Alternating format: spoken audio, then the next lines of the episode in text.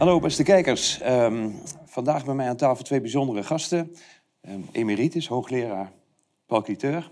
Paul, welkom. Dankjewel. En Thierry Baudet, bij de meeste kijkers denk ik uh, wel bekend. Thierry, uh, ja, allereerst gefeliciteerd met je nieuwe boek. Dankjewel. Hè, de, twee weken geleden of zo uh, gelanceerd. Ja. Meteen op uh, nummer 1 in de bestsellerlijst. Ja, Dat moet je goed doen, denk ik. Ja, ik hoop dat het ook gelezen wordt en dat mensen... was toevallig toen ik hier aankwam iemand die me aansprak en die had het al gelezen en die zei het heeft echt een, een, een inzicht gebracht. Ja. En dat, dat Ja, raakt... dat wil je ook als schrijver natuurlijk. Dat is het mooiste wat, compliment wat je kan krijgen. Ja. Dat, iemand het dus, dat mensen het niet alleen eh, eh, in huis halen, maar dat ze het ook daadwerkelijk gaan lezen en dat het iets met ze doet. Ja, maar het is ook heel leesbaar. Ik heb het zelf eh, in één ruk uitgelezen. Ik bedoel, ja, ik, ik denk dat, dat heel veel mensen die ehm, nu nog een bepaald beeld hebben van, van jou, van Forum, en het zouden lezen, dat eh, nou ja, daar een nieuw inzicht over zou, zou kunnen krijgen. Eh, wat, Ja. wat, wat, wat is volgens jou de, de hindernis hier? Ehm, nou ja, het, wat ik probeer te beschrijven in het boek is eigenlijk wat, wat ik denk dat de achterliggende wereldvisie is die verklaart waarom al die dingen gebeuren die gebeuren. Dus wat, wat is nou de overeenkomst tussen het coronabeleid en de eh, oorlog tegen Rusland, de immigratie, de EU, eh, al, al die zaken, klimaatplannen. En dan kom ik uit op wat ik noem eh, het cultuurmarxisme. En dat is de, de filosofie die eigenlijk ontstaan is bij een aantal Joodse denkers na de Tweede Wereldoorlog. Die geloofden dat jodenvervolging en massamoord direct voortkwam uit de burgerlijke samenleving Ja. uit de, de, de 19e eeuwse Europese samenleving. En dus wat zij deden, was zij namen een deel van het marxisme, eh, namelijk de filosofie van, van Marx, en dat kwam eigenlijk alweer voort uit de Franse Revolutie. Het is een beetje, eh, maar ik ga wel de diepte in, maar dat doe ik ook wel op een denk toegankelijke manier. Maar dat, dat beeld van Marx was, we gaan naar een wereld toe zonder landen, dus zonder natieën, zonder volkeren, zonder familiestructuren en zonder eh, privébezit. Dat is eigenlijk het beeld. Dus we gaan naar een mondiale mensheid toe, zonder grenzen, zonder, zonder wij-zij-denken enzovoort. En, en die denkers van de Frankfurter Schule, want zo heette die club van Joodse filosofen na de Tweede Wereldoorlog, die namen dat als uitgangspunt en die zeiden dat kan alleen maar ontstaan als we dus afrekenen met de westerse trots, de westerse eh, tradities, de, de familiestructuren, de nationale identiteiten enzovoorts, nationale, de economie ook, eh, gebaseerd op bedrijven. En dan kunnen we voorkomen dat er ooit nog minderheden zijn. Hè, want dan zijn er geen meerderheden meer, geen minderheden meer. Is iedereen een universeel individu geworden. En dan zal er dus nooit meer massamoord zijn. Dan krijgen we nooit meer Auschwitz. Dat werd ook een heel belangrijk thema. En die filosofie, dus dat cultuurmarxisme, dat heeft via een bepaalde route, via de jaren 60, via onder andere het Spy College in Oxford, waar Sigrid Kaag gestudeerd heeft, St. Anthony's, heeft dat zijn weg gevonden naar de huidige beleidsmakers in de hele westerse wereld. Of je nou kijkt naar de politiek, naar het bedrijfsleven, eh, naar de journalistiek, naar de academische wereld. En dat denken, dat heeft zich op, op die manier dus maatschappelijk gemaakt, politiek gemaakt. En de stroming, zou je kunnen zeggen, die daar dan het gevolg van is, dat is nu het globalisme. Eh, dat is eigenlijk wat we zien. Dat is de overtuiging dat landen, dat is eigenlijk iets van het verleden, eh, grote, ehm, eh, grote multinationals, hele grote bedrijven en supranationale organisaties, die moeten samen eigenlijk de wereld van de toekomst gaan vormgeven. Vandaar ook de aanval op het gezin. Hè. Het traditionele gezin is ook een, een, een soort nucleus, een soort kern die mensen verbindt, die mensen identiteit verschaft. Ja, dat, dat staat in de weg aan een nieuwe fase in de geschiedenis, aan het, aan het, aan het globale burgerschap. En eh, wat mij betreft is het World Economic Forum, eh, dat, dat belichaamt eigenlijk bij uitstek dit denken, waar grote bedrijven en, en, en mondiaal opererende politici elkaar vinden in Davos, in, in Zwitserland, op een bergtop. En daar eh, ja, de wereld onderling verdelen. En dat verklaart een, een heleboel dingen, maar bijvoorbeeld ook de technocratische wijze waarop met het, de coronasituatie is omgegaan. Dat is eigenlijk, een, dat heb ik ook beschreven in een ander boek natuurlijk, het coronabedrog, dat het een aanleiding was om een heleboel ehm, eh, dingen door te voeren. Eh, eh, daarom zeiden ze ook, zeiden deze crisis is een great opportunity. Ja. Een heleboel dingen door te voeren die eh, de samenleving op weg helpt in hun visie naar die globale wereld toe. Hè, bijvoorbeeld de QR-codes, bijvoorbeeld het vaccinatiepaspoort, bijvoorbeeld eh, de, de track-and-trace codes, bijvoorbeeld het, eh, het, het, het, het testen en daardoor mensen gaan controleren. Mensen dus, er zijn heel veel gedragsexperimenten eigenlijk uitgevoerd op mensen. Maar het verklaart ook, dat globalisme verklaart ook de eh, animositeit tegen Rusland. Want Rusland is de laatste Europese natiestaat. Is het laatste grote land dat niet door het cultuurmarxisme is beïnvloed. Sterker nog, wat ik betoog in het boek, is dat eh, Rusland ehm, een omgekeerde ontwikkeling heeft doorgemaakt. Het was natuurlijk in de greep van het marxisme en het communisme tot de jaren negentig, zeg Daar heb ik maar. ervaring mee opgedaan. Vanzelfsprekend, ja. Ze hebben, ze hebben daar hun lessen geleerd, harde lessen geleerd. ja. En als het ware is het land daardoor geïmmuniseerd voor utopisch denken. Ja. En eh, daarom dat eh, men ook zo ja, het echt ziet als een, een existentiële strijd, als een doel, een fundamenteel doel nu van de geschiedenis, dat, dat hoor je overal terug, om Rusland te vernietigen. Er moet regime change komen, Poetin moet weg, Rusland moet, moet kapot. Het is een hindernis. In, Het is, eh, het, in- het, staat, het is een sta in de weg. Ja, staande weg. Ja. En ehm, ik beschrijf ook in het boek, het is heel interessant, Klaus Schwab, hè, die heeft, van het World Economic Forum, die heeft een grote buste van Lenin in zijn werkkamer. en dat las ik, is ja. niet, dat Ja. wordt dan mensen, mensen zien dat, dat, van dat is raar, want hij is toch van het kapitalisme. Maar dat is niet raar, want dat Leninisme of cultuurmarxisme, het zijn een beetje de- de stromingen die in elkaars verlengde liggen. Dat was een stroming die, die was niet zozeer tegen ehm, markten, maar ze, waren tegen de staat.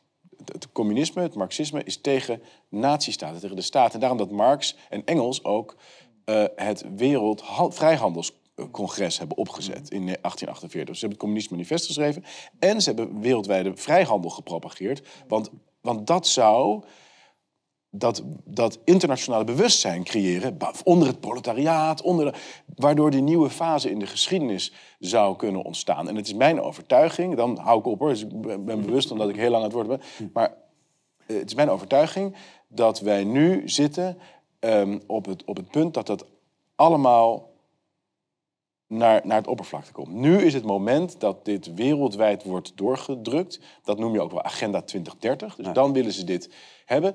En wij zijn volgens mij de enige politieke partij, in ieder geval in Nederland, maar waarschijnlijk gewoon in Europa en misschien zelfs nog wel daarbuiten, die dit als zodanig benoemt, die, dat, die, die de eenheid in de verscheidenheid ziet en die daar dus ook het debat over wil voeren, enerzijds. En anderzijds een alternatief soort ecosysteem wil bouwen met onze app, met alles wat we aan het doen zijn. Nou, dat alles, dat probeer ik te, op te schrijven in dit boek. Ja, nou, dat is je wonderwel gelukt. Ik, ik, ik, ehm, ik, ehm, er kwam bij mij tijdens het lezen ook een idee op. Je zegt, we zijn eigenlijk de enige politieke organisatie eh, die, dit, eh, die dit opmerkt, of in ieder geval daar aandacht aan besteedt.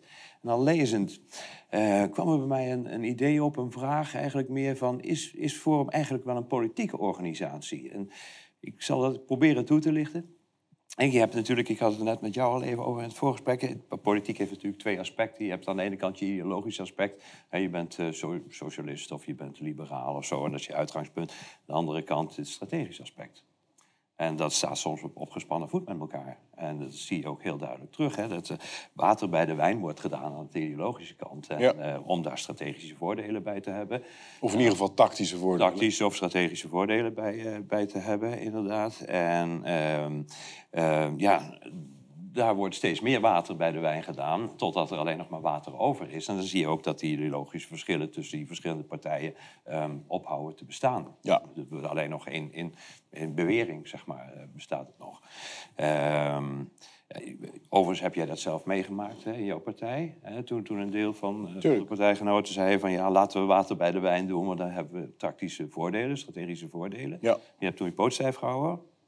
Hebt gezegd van nou, dat doen we niet. En eh, nou ja, als jullie dat per se willen, dan maar zonder mij. Mhm. Eh, uiteindelijk zit je wel hier nu. Dus dat, eh, dat, dat, uiteindelijk heb je aan het langste eind getrokken, laat maar even zeggen. Ja, maar ik maak inderdaad het onderscheid tussen... je hebt beleidsoppositie, Ja. zo noem ik dat. Ja. Ehm, en dat is eigenlijk wat je ziet dat BBB doet bijvoorbeeld. Of Ja21. Die zeggen, oké, tuurlijk, ehm, er moet een energietransitie komen. Maar laten we nou een beetje meer kernenergie in die energiemix toevoegen. Dan, dan kost het net wat minder. Ehm, of natuurlijk moeten we internationaal recht respecteren. Dus ja, er zullen hier immigranten naartoe komen. Maar doe nou een beetje minder en spreid het over wat langere tijd uit. Dan hebben we het net. En eh, dat, eh, ja, op zich zou je kunnen zeggen, ik heb liever dat dat gebeurt dan, dan dat GroenLinks. Maar uiteindelijk maakt het, fundamenteel maakt het geen klap uit. Nee, de grote zit- kaders van de gangbare precies. ideologie blijven gewoon overeind. Ja, en dat zie je dus eigenlijk bij alle partijen. Ik maak een uitzondering voor de PVV op het gebied van immigratie, maar ook alleen op dat specifieke Ja. thema. Als het gaat over corona, hoorde je de PVV niet. Nu over Rusland, hoor je de PVV niet. Dus ik denk dat, dat wij de enige zijn die het die als zodanig, en dat noem ik dan systeemoppositie of ideologische oppositie, die echt zeggen, die hele richting en ook de aannames van die richting, dus over CO2, maar ook over internationaal recht, over eh, schaalvergroting, dat is ook zo'n thema. Wij doen daar niet aan mee. Wij willen echt fundamenteel iets anders. En ehm, eh, ik denk ook dat, hopend, als mensen dit lezen, dat ze zeggen: oh ja, wacht even. ehm, eh, het is allemaal hetzelfde. Dus het is logisch. Het is niet eh, van, oh, nou, nu vinden ze dit op dat onderwerp. Vinden ze. Nee, het is, het is, ons verhaal is heel consistent, volgens mij.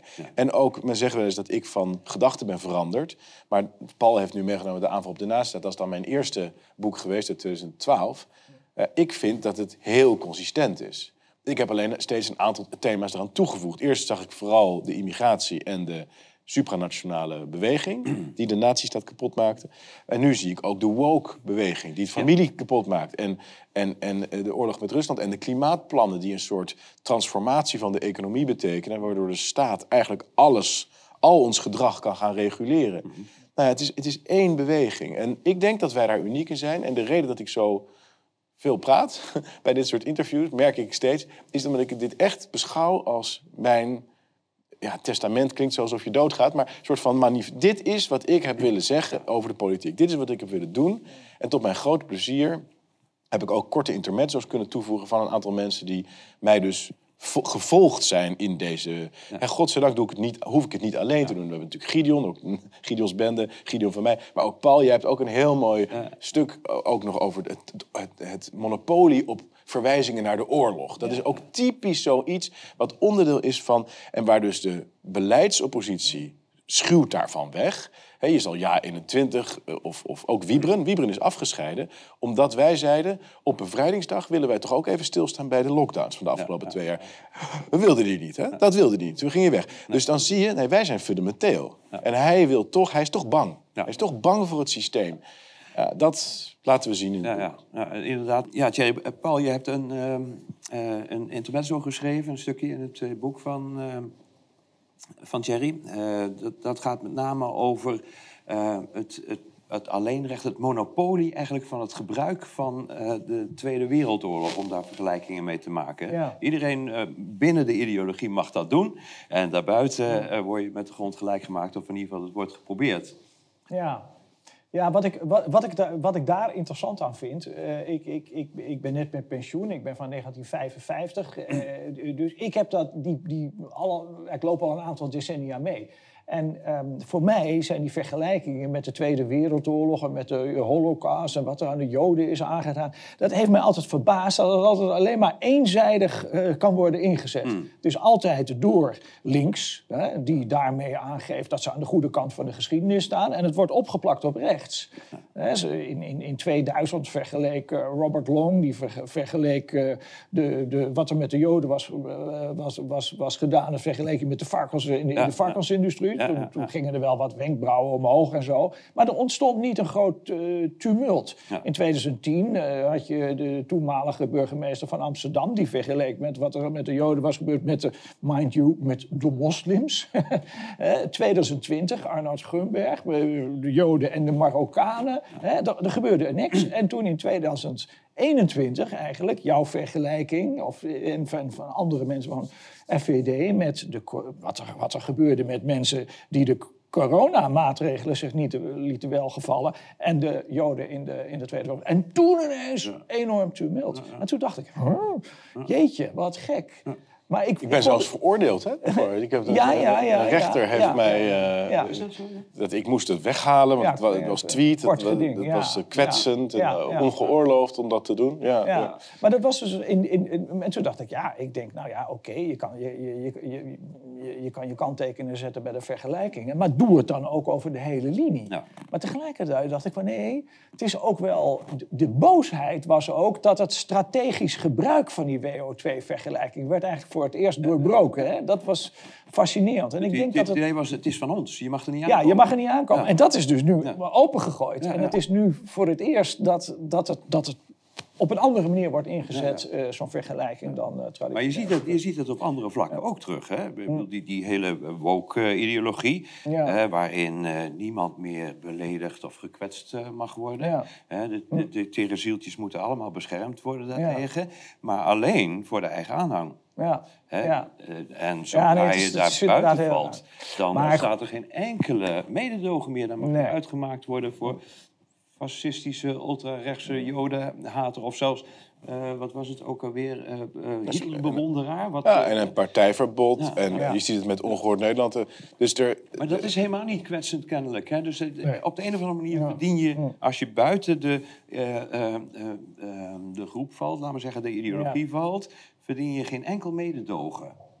Je Nee. bent bijna geen mens meer. ja, dat, Nee, maar dat is ja, allemaal dat is waar. ehm, Ja. onderdeel van eh, de, de opvatting dat zij een hogere fase van de geschiedenis belichamen. En dat is wat je. superieur. Ja, we gaan, we gaan toe, en dat komt voort uit marxisme. En dat marxisme komt eigenlijk voort uit de Franse Revolutie. We gaan toe naar een nieuwe fase in de geschiedenis. Ja. En andere mensen die houden dat een beetje tegen. Dat zijn eigenlijk ja, reactionaire krachten, die het waarschijnlijk zelf ook wel weten. Dat, dat ze eigenlijk aan de verkeerde kant van de geschiedenis staan. Saboteurs van, van de vooruitgang. Ja. En dat zit er op een onbewust niveau heel diep in. Daarom dat het ook dat woord transitie zo belangrijk is. Dus de transgender, tran- maar ook transnationaal. En ook de energietransitie. Dus eh, eh, over de hele linie is er sprake van een transitie, een, een overgang naar iets nieuws. En sommige mensen. een nieuwe wereld. Oude naar een nieuwe wereld. En het scharnierpunt is de Tweede Wereldoorlog. Dat, dat nooit meer. Dus nooit meer nationale staat, nooit meer familieverbanden, nooit meer trots op je eigen verleden. Vandaar ook dat we nu eh, excuses, slavernij, dat soort dingen. Architectuur ook. Hè, de, de schoonheid, de pracht en praal van de oude steden. Dat moet worden ontheiligd. Dat moet worden, dat moeten grote gebouwen. Dat is de nieuwe tijd. We gaan naar iets nieuws toe. En dat is oud, dat moet weg. Ja, daar dat is een heel sterk. Dat moeten we verschuiven. Allemaal onderdeel van dit idee.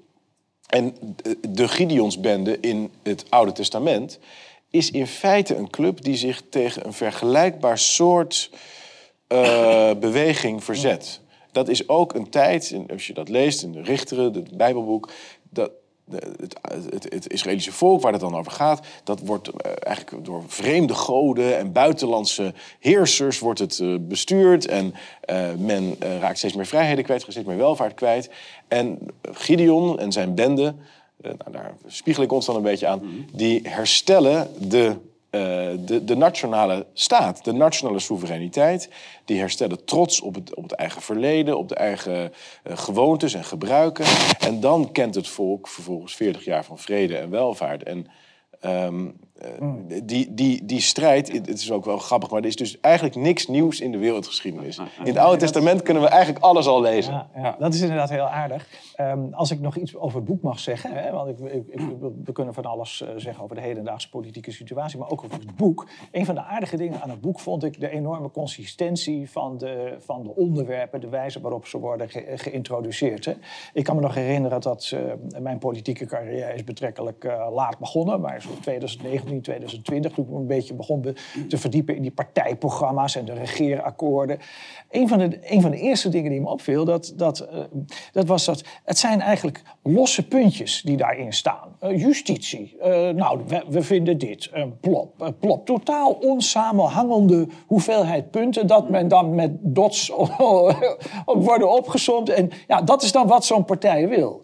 Dit is anders. Als je dus dit gaat lezen, ehm, dan, dan ehm, Schopenhauer, een favoriete filosoof van mij, heeft wel eens gezegd: Het doet er niet toe hoe je mijn, mijn werk binnengaat. Eh, je komt altijd, gaat het geheel zich ontvouwen, waar je ook begint. Je kan in het laatste hoofd beginnen, het midden, eh, het begin. Dat is hier ook mee. Dus die, die hoeveelheid hoofdstukken die er dus hierin staan, je kan net zo goed bij het eind beginnen. En dan terug gaan lezen eigenlijk, of middenin en dan aan. aan hè? dan kan je ook de twee kanten uit. Dat is aardig. Het is echt een heel eh, coherent eh, geheel is het, is het geworden. En ik vind het ook argumentatief heel sterk, want dan is het natuurlijk wat bij mensen meteen op. Oh, complottheorie, ze zien overal verbanden die er niet zijn. Nou, vind ik niet. Ik vind dat dat heel consistent in elkaar zit en dat er heel wat rationele argumenten worden aangedragen.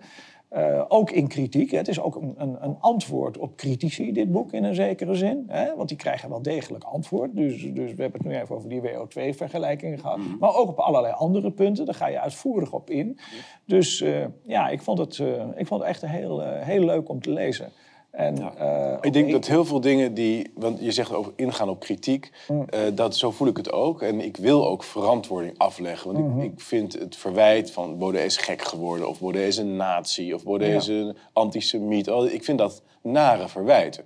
En eh, ja, je komt er niet echt doorheen in de mainstream media. Of dan zetten ze je klem met een draaiende camera. En dan, maar die is gewoon uitgericht ook over Rusland en Oekraïne en de rol van de NAVO en hoe mijn denken daarover is veranderd. Ik was eh, door 9-11, ik geloofde dat verhaal en ik was helemaal into de neoconservatieve sfeer een tijd lang.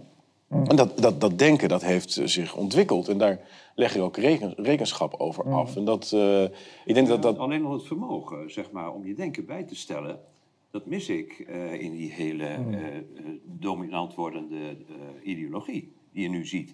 Je ziet dat het heel erg in zich. is hermetisch, ja. Het, het, ik- het was precies het woord wat ik wilde. Het is hermetisch, maar niet kan alleen niet dat. worden De gefalsificeerd. juistheid van de ideeën en de richting die gekozen worden, die worden, die worden alleen nog maar getoetst aan zichzelf. Ja. Hè, eh, dus dat betekent dat er geen externe eikpunten meer zijn. Eh, Er is, er is niets meer waar je het nog aan kunt toetsen, behalve aan jezelf. Het, eh, wij hebben gelijk omdat wij zeggen dat we gelijk hebben. Daar komt het eigenlijk op neer. Ja. En zo gaat die hele boel op drift. En dat zie je Eh, ook en bij... samen eh, met de, de, de samenleving die erdoor bevangen is. En je ziet dat dan ook dat het steeds extremer wordt. Over, overigens, eh, even roomser dan de paus. Ik bedoel, ik, ehm, eh, dat wil zeggen even roomser dan Thierry. Er is ook heel veel continuïteit. Hè? Dus, dus dit is de, aanval op de nazistaat, dat is 2012. Dit is precies, ja, helaas is het één jaar eh, te la, eh, later. Elf- elf jaar. Elf jaar, dat vind ik eigenlijk een beetje verkeerd. Ja. Ik ben eigenlijk in 2022, want dan zat er precies 20 tien jaar tussen. Heel veel is, is, is, is ook continuïteit. Hè? Want ook in 2012 was je niet een groot voorstander van humanitaire interventies. Dat is waar. Hè? En dat ben, je, ben, je nu, ben je nu nog steeds niet. Alleen er is nu zoveel casuïstiek ehm, bijgekomen. Eh, volgens mij eh, heb je een, een, een, misschien een wat kritischer Amerika-beeld gekregen. Dat Ja. is eh, misschien een beetje nieuw. Dat zit er in 2012 niet zo heel erg in. Nee. Ehm, en dat is, er, is nu wel veel sterker. Waardoor je in feite een beetje dichter bij... eh, je bent dichter bij Noam Chomsky komen te staan, mind you. Zeker. En bij, bij Mearsheimer. En eigenlijk allemaal linkse intellectuelen die dat soort dingen ook zeggen. Dat is, dat is wel interessant. Maar, maar de, de, de, de, de, de, de, de rode lijn blijft toch, die nazistaat... dat is het huis waarin we waarin we moeten wonen. Dat is het enige, de enige staat waarin rechtsstaat, democratie gerealiseerd kunnen worden. En dat vind je nu nog steeds. Ik ook. eh, Ja. Dus dat is de, de, de consistente lijn, zeg maar. Ja, dit is heel, dat, En- is dus, dat, dat is inderdaad heel consistent. En wat er ook nieuw aan is, eh, als je de Gideonsbende vergelijkt met de aanval op de nazistaat, als ik, als ik nog even mag. Natuurlijk, Mag dat? ja. Kijk, dat is dus dat ik dacht, weet je, kijk, eigenlijk is dit een, ehm, het is een ideologie-kritisch boek, eh, de Gideonsbende in die zin. Eh, dus dat dat globalisme wordt als de nieuwe intellectuele en ideologische uitdaging uiteengezet wat het is. Hè? En, dat, en dat is eh, dat, is er, dat zit er alleen nog maar impliciet in, eh, in, in 2012. Maar we zien nu zoveel manifestaties daarvan. Hè, hoe, hoe dat, het is echt de, de nieuwe ideologie van deze tijd. En dat is ook de grote ideologische tegenstelling. Zoals je dus de, de, de nazi's waren de, uit, de uitdaging tussen 1933 en 1945. Daarna krijg je het communisme. Tussen, hè, tussen ik zal maar zeggen, de Russische revolutie in 1991 en ineenvallen van de, van de Sovjet-Unie. Daarna krijg je het is- islamisme hè, met, de, met de Iraanse revolutie, denk ik. En 1989 krijg je dan de, de, de fatwa over Russia, was een uitdaging. En dit is eigenlijk de vierde grote ideologische uitdaging. Absoluut. Het globalisme. Ja, ja. En dat, is heel, dat gaat heel subtiel. Hè? En mensen denken allemaal van, nou, in Europese samenwerking, daar is toch niks mee mis. En het is toch hartstikke fijn, al die, al die mooie instituties, de Verenigde Naties. En nou, prachtig. En de zon gaat steeds meer schijnen in de wereld. Maar als je er een beetje gaat doorprikken, en denk je, oh, we, we raken onze soevereiniteit kwijt. We raken Nederland kwijt. Elke dag wordt Nederland een stukje verder afgeschaft. Net als België trouwens, en Frankrijk en Duitsland. En in die zin is het ook een beetje een. een het is ook eh, het is ideologiekritiek, maar het is ook psychologie. En mensen moeten dat gaan zien. Dus ze moeten dat eens een keer helemaal doorlezen. En dan zeggen van oké, maar dit hangt dus samen met dat. En oh, wow. En als je dit. hè, hè. En nogmaals, geen complottheorie, gewoon je verstand gebruiken. Dan kan je dat op een gegeven moment gaan zien. Maar je ziet inderdaad die raakpunten met al die andere grote eh, ideologieën. Mm. eh, Ja, die maar- inhoudelijk anders zijn. Maar jij, jij noemde eh, in een gesprek wat ik laatst eh, zag, bijvoorbeeld eh, het, eh, China onder Mao. Mhm. Dat op een gegeven moment die ideologie die raakt zo op drift eh, dat het eh, zijn eigen doelstellingen gaat opvreten, zijn eigen kinderen gaat opeten. Ja, maar het is ook heel belangrijk om, eh, om te realiseren dat die andere uitdagers die we noemden, bijvoorbeeld het eh, nationaal socialisme, maar zeker ook het marxisme, die bedienden zich, net als het globalisme nu, van een soort quasi-wetenschappelijke consensus. Nou ja, het wetenschappelijk dat marxisme geclaimd, was, de was, enige was echt- wetenschap is de onze. ja, de experts eh, eh, over klimaat, over corona. En nu ook over Rusland en Oekraïne. Alle experts het over. Dus dit is natuurlijk gewoon internationaal recht. Bla. Dus is, er is helemaal geen discussie meer. En dat zag ik ook toen ik in Davos was. Wij zijn gewend, zo ben ik ook getraind door jou op de universiteit. Als je een onderwerp wil onderzoeken, dan heb je een voorstander en een tegenstander Ja. nodig. En dan ga je dus eventjes lekker ervoor zitten. En die, die tegenstander die gaat lekker de extreme kant op daar hangen. Ja. De voorstander die gaat helemaal daar naartoe. En dan snappen we het speelveld. Ja. En dan kunnen we zelf een oordeel vormen. Maar Davos, en eigenlijk is dat überhaupt nu zo bij de talkshows... en ook in de universitaire wereld en ook in de politiek... Men, be- men belicht verschillende aspecten van een bepaald probleem... maar gaat niet meer voor tegens over de merites van dat probleem zelf. De aannames die onderliggend zijn. Daar gaat men niet, helemaal niet meer over praten. Dat, i- dat is, daar is consensus over. Dat, dat is vastgesteld. Ja. En dat heb ik gezien met de, de euro. De economen die werden uitgenodigd voor paneldiscussies. Dat waren allemaal pro-EU, pro-euro-economen. Ja, ja, En de een zei dan van ja, je moet eh, bijvoorbeeld eh, het eh, stabiliteitsfonds moet je zo vaststellen. De ander zei nee, dat kan beter zo. Fijn, maar het was allemaal binnen de ideologie. Stikstof, klimaat, alle onderwerpen, corona, is hetzelfde mechanisme aan de gang. En dat was dus ook zo bij, in de, in de Sovjet-Unie. Daar had je trotskisten, Leninisten, Maoïsten, Marxisten, aanhangers van Friedrich Engels, weet je wel. En, en, en, en dus was heel veel diversiteit, weet je, heel pluriform. Nou, zo is het nu ook. Het is allemaal subbranches van het globalisme. En dat is ook zo als je de kranten openslaat of de tv-programma's. En deze mensen die dit, bijvoorbeeld van de rechterlijke macht of eh, in de politiek, die vinden dus van zichzelf dat ze goed geïnformeerd zijn. En die lezen talloze, ook internationale media. Maar het is allemaal hetzelfde. Ja. Het is allemaal hetzelfde. Ja, er wordt En- hetzelfde uitgangspunt gehanteerd. Hè. Nou, eigenlijk wat ik net probeer te zeggen. Hè, het, het, het- het- onze ideologie is de goede ideologie, want wij zeggen dat het een En goede daarom is het ideologie zo is. leuk En dat daar doet een vervolgens leest de. Volkskrant, de ander en als Ja. NRC. Dat, en dat is een wereld van verschil natuurlijk. Hè? Ja, maar het is, ik geloof ook een uitspraak van Chomsky was... Hè, van, eh, als je eh, controle wil nemen, dan moet je een levendige eh, discussie... binnen heel eh, steeds krappere kaders Manufacturing consent. Ja, manufacturing consent van hem natuurlijk. eh, Maar daarom is het ook zo leuk dat dit boek op de bestsellerlijst Ja, ja, is teruggekomen. Ja. Want het wordt Ja, dus, ja, het is wel dat belangrijk, is- ook voor, voor mensen die dit misschien kijken. Dit wordt dus nergens gerecenseerd. Nee. Niet. Als ik niet zelf een uitgeverij was begonnen, had ik het niet kunnen uitgeven. Überhaupt had het boek helemaal niet kunnen verschijnen. Het ligt niet in de boekhandels. Dus als er niet online verkoop was, dan hadden mensen het ook Nee, nergens kunnen boekhandels kopen. verkopen? Nou ja, weigeren is dan weer een net te groot woord. Maar het zit natuurlijk in de heel. Dus als je het bestelt, dan zeggen ze: Nou, oké, kunnen we wel. Weet u het zeker? Wilt u het echt bestellen? Dit boek? En dan gaan ze het doen. Maar kijk, dat is natuurlijk als, als een of andere linkse persoon een boek schrijft, dan worden daar stapels in de etalage gelegd. En het ligt op Nee, het ligt naast de kassa. Ja, Eh, naast Als, de als, als kassa. Femke Halsema een nieuw boekje heeft, dan ligt, Ja. dat, ligt dat bij de boekhandel ligt, ligt zo'n hele stapel. Ook net een hele hoge stapel, want dan lijkt het net alsof Ja, het iedereen het wil hebben. En dan denk ik maar zo, oh, het is best wel, ik moet ik hebben. Weet je wel?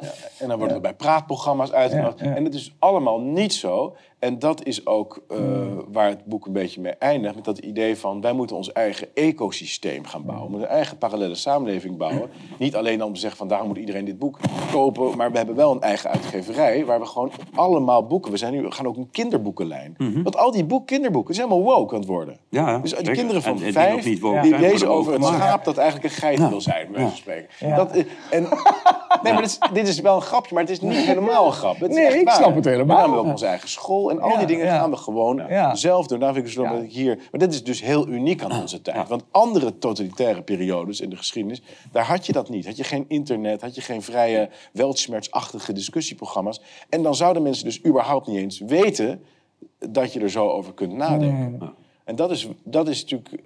Ik voel dat ook. Ik voel die, die totalitaire ehm, censuur steeds, steeds sterker worden. Het is overigens niet alleen zo. Dus Ook dat, op universiteiten. Ja. Ja, da- dat is, moeten we zo over hebben, want dat is inderdaad heel bedenkelijk. Maar ehm, overigens niet alleen zo dus dat er kinderboeken, kinderboekenschrijvers naar voren gaan komen en enorm gesubsidieerd worden met allemaal die, die, die, die verhaaltjes over het schaap dat een geit wil zijn of omgekeerd. Nee, het is ook dus zo dat de, de bestaande boeken, die worden nog herschreven. Ja, dus ja. Roald dus- Dahl. Roald Dahl, dat wordt dus beschreven. Hè, dat, is, dat gaat dus nog een beetje verder dan dat, eh, dat, dat er op zo'n zo'n sticker opgeplakt moet worden. Een trigger warning Ja. van waarschuwing. Hè, u, wat u hier gaat lezen, dat, dat kan wel eens Mm. als racistisch of, of, of, of, of antisemitisch worden opgevat. Dat is een trigger warning. Nee, dus uitgevers die gaan dus ook werkelijk herschrijven die boeken. Dat is ongelooflijk. Het is ongelooflijk, ja. Maar je is- ziet dat overal wel terug. hè. Je, ziet, je had het net over de universiteit, daar gaan we daar nog even op in. Maar je ziet, je ziet het in de media, je ziet het in de politiek zelf natuurlijk.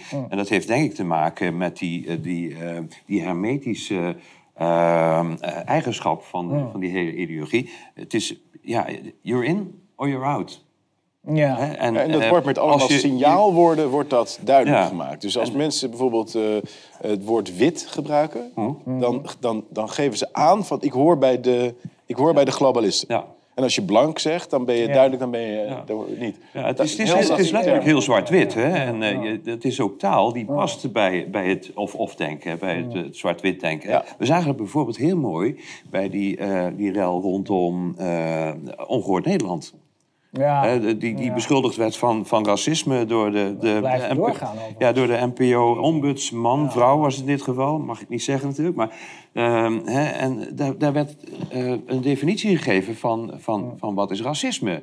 Hè, ehm, Ja, ik, ik zat daarbij eh, Ja. betreffende uitzending. Ja, precies. vijf- ik weet nog precies, 15 september 2022. Mhm. Dat was dus een, de, de, de inzet van die uitzending, dat was eigenlijk... racisme komt overal voor. En ik heb het ook uitgelegd. Ik zei, nou, racisme kan allerlei vormen. Het is verkeerd, het is heel slecht. Mhm. En we moeten daar ons tegen te weerzetten. Maar het, kan, hè, het komt overal voor. En in die uitzending was dus eigenlijk de, de, de, de, de discussie... dat ging dan over een, een, een, een- dame die transseksueel was... En een, en een dame van kleur. En die waren aan het concurreren voor een bepaalde positie. En die vochten elkaar de tent uit. En die gingen elkaar over en weer dan van racisme beschuldigen. Dat gebeurt dus ook daar. Hè, dus al die letters van het L, H, B, G, T, I... die gaan elkaar allemaal de tent uit, uitvechten. En, die, en, die, en dan, dan vliegen al die antisemieten, racisten... dat gaat allemaal over tafel.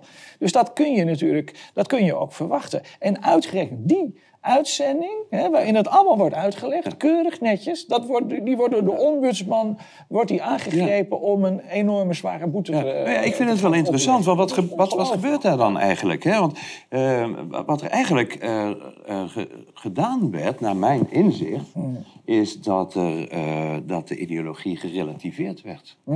Hè, de, de- de ideologie gaat ervan uit, je bent wit, dan ben je per definitie dader.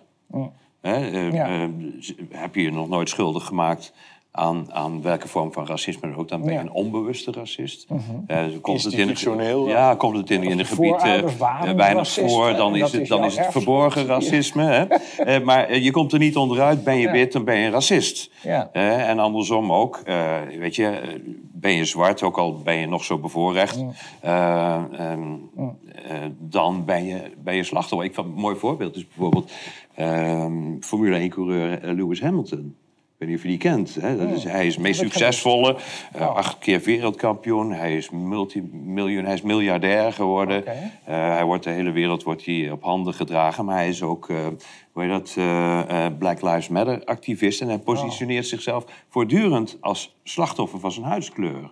Ja, Ondanks ja, zijn ja. geprivilegeerde leven. En dus je bent zwart, dan ben je sowieso Ja. een slachtoffer. Je bent wit, ben je sowieso een dader. Ja. Ehm, dus dat wil zeggen dat hier eh, een negatieve eh, karaktereigenschap, zeg maar, eh, wordt toegekend aan een groep mensen vanwege een raciaal kenmerk. Namelijk, als jij wit bent, dan heb jij een negatieve eigenschap, ben je racist. En dat is natuurlijk een heel scherp eh, eh, vorm van racisme, die eigenlijk nog extremer is dan de meeste andere. Hè? Ja. Want, Ik bedoel, er zijn natuurlijk wel witte racisten die, die over zwarte mensen zeggen van ja, ze zijn, weet ik veel, lui of dom of iets dergelijks. Maar geen van alles eh, zullen ze beweren dat er ook geen luie of domme witte mensen bestaan. Terwijl hier een hele scherpe scheidslijn wordt gemaakt. Wit en zwart. Wit is dader, zwart is slachtoffer. En Ja. eh, ik, ik zag bijvoorbeeld, om, eh, om een illustratie, even het laatste dingetje hierover. Ehm, ik was aan het kijken naar een uitzending van De Slimste Mens. Ken je dat programma? Dat is Ik weet dat het een, bestaat. een quizje. Hè? En daar zit Maarten van Rossum en die krijgt altijd aan het begin eh, Ja, een kijkersvraag. Oh ja. En de kijkersvraag was deze keer... Beste Maarten, eh, De Slimste Mens wordt gepresenteerd door twee witte mannen van middelbare leeftijd. Is dat niet kwetsend? Ja, maar daar was hij er dus één van. hè. Was hij er één van? Ja, en dan zijn enige moppert ver- hij wel een beetje Eh, terug. Nou, zijn enige verweer was, ik ben niet van middelbare leeftijd. Nee. Oh, ja. Maar daar wordt dus geïmpliceerd Ja. dat alleen de aanblik van een witte man kwetsend Mm. zou zijn. Hoe racistisch is dat? Ja. Ja. En maar hier, hier wordt dus ook weer racisme wordt, Ik vind dat overigens nog niet het allerergste, hoor. Maar eh, eh, oké, de- ik- zou ook kunnen zeggen, ik ben al een beetje cynisch geworden. Ik ben dat al een beetje gewend. Wat ik het, het, het, het eigenlijk zo ehm, ehm, ernstig vind... dat is dat het tegenwoordig ook officieel overheidsbeleid is geworden. Het is niet meer een kwestie van actiegroepjes.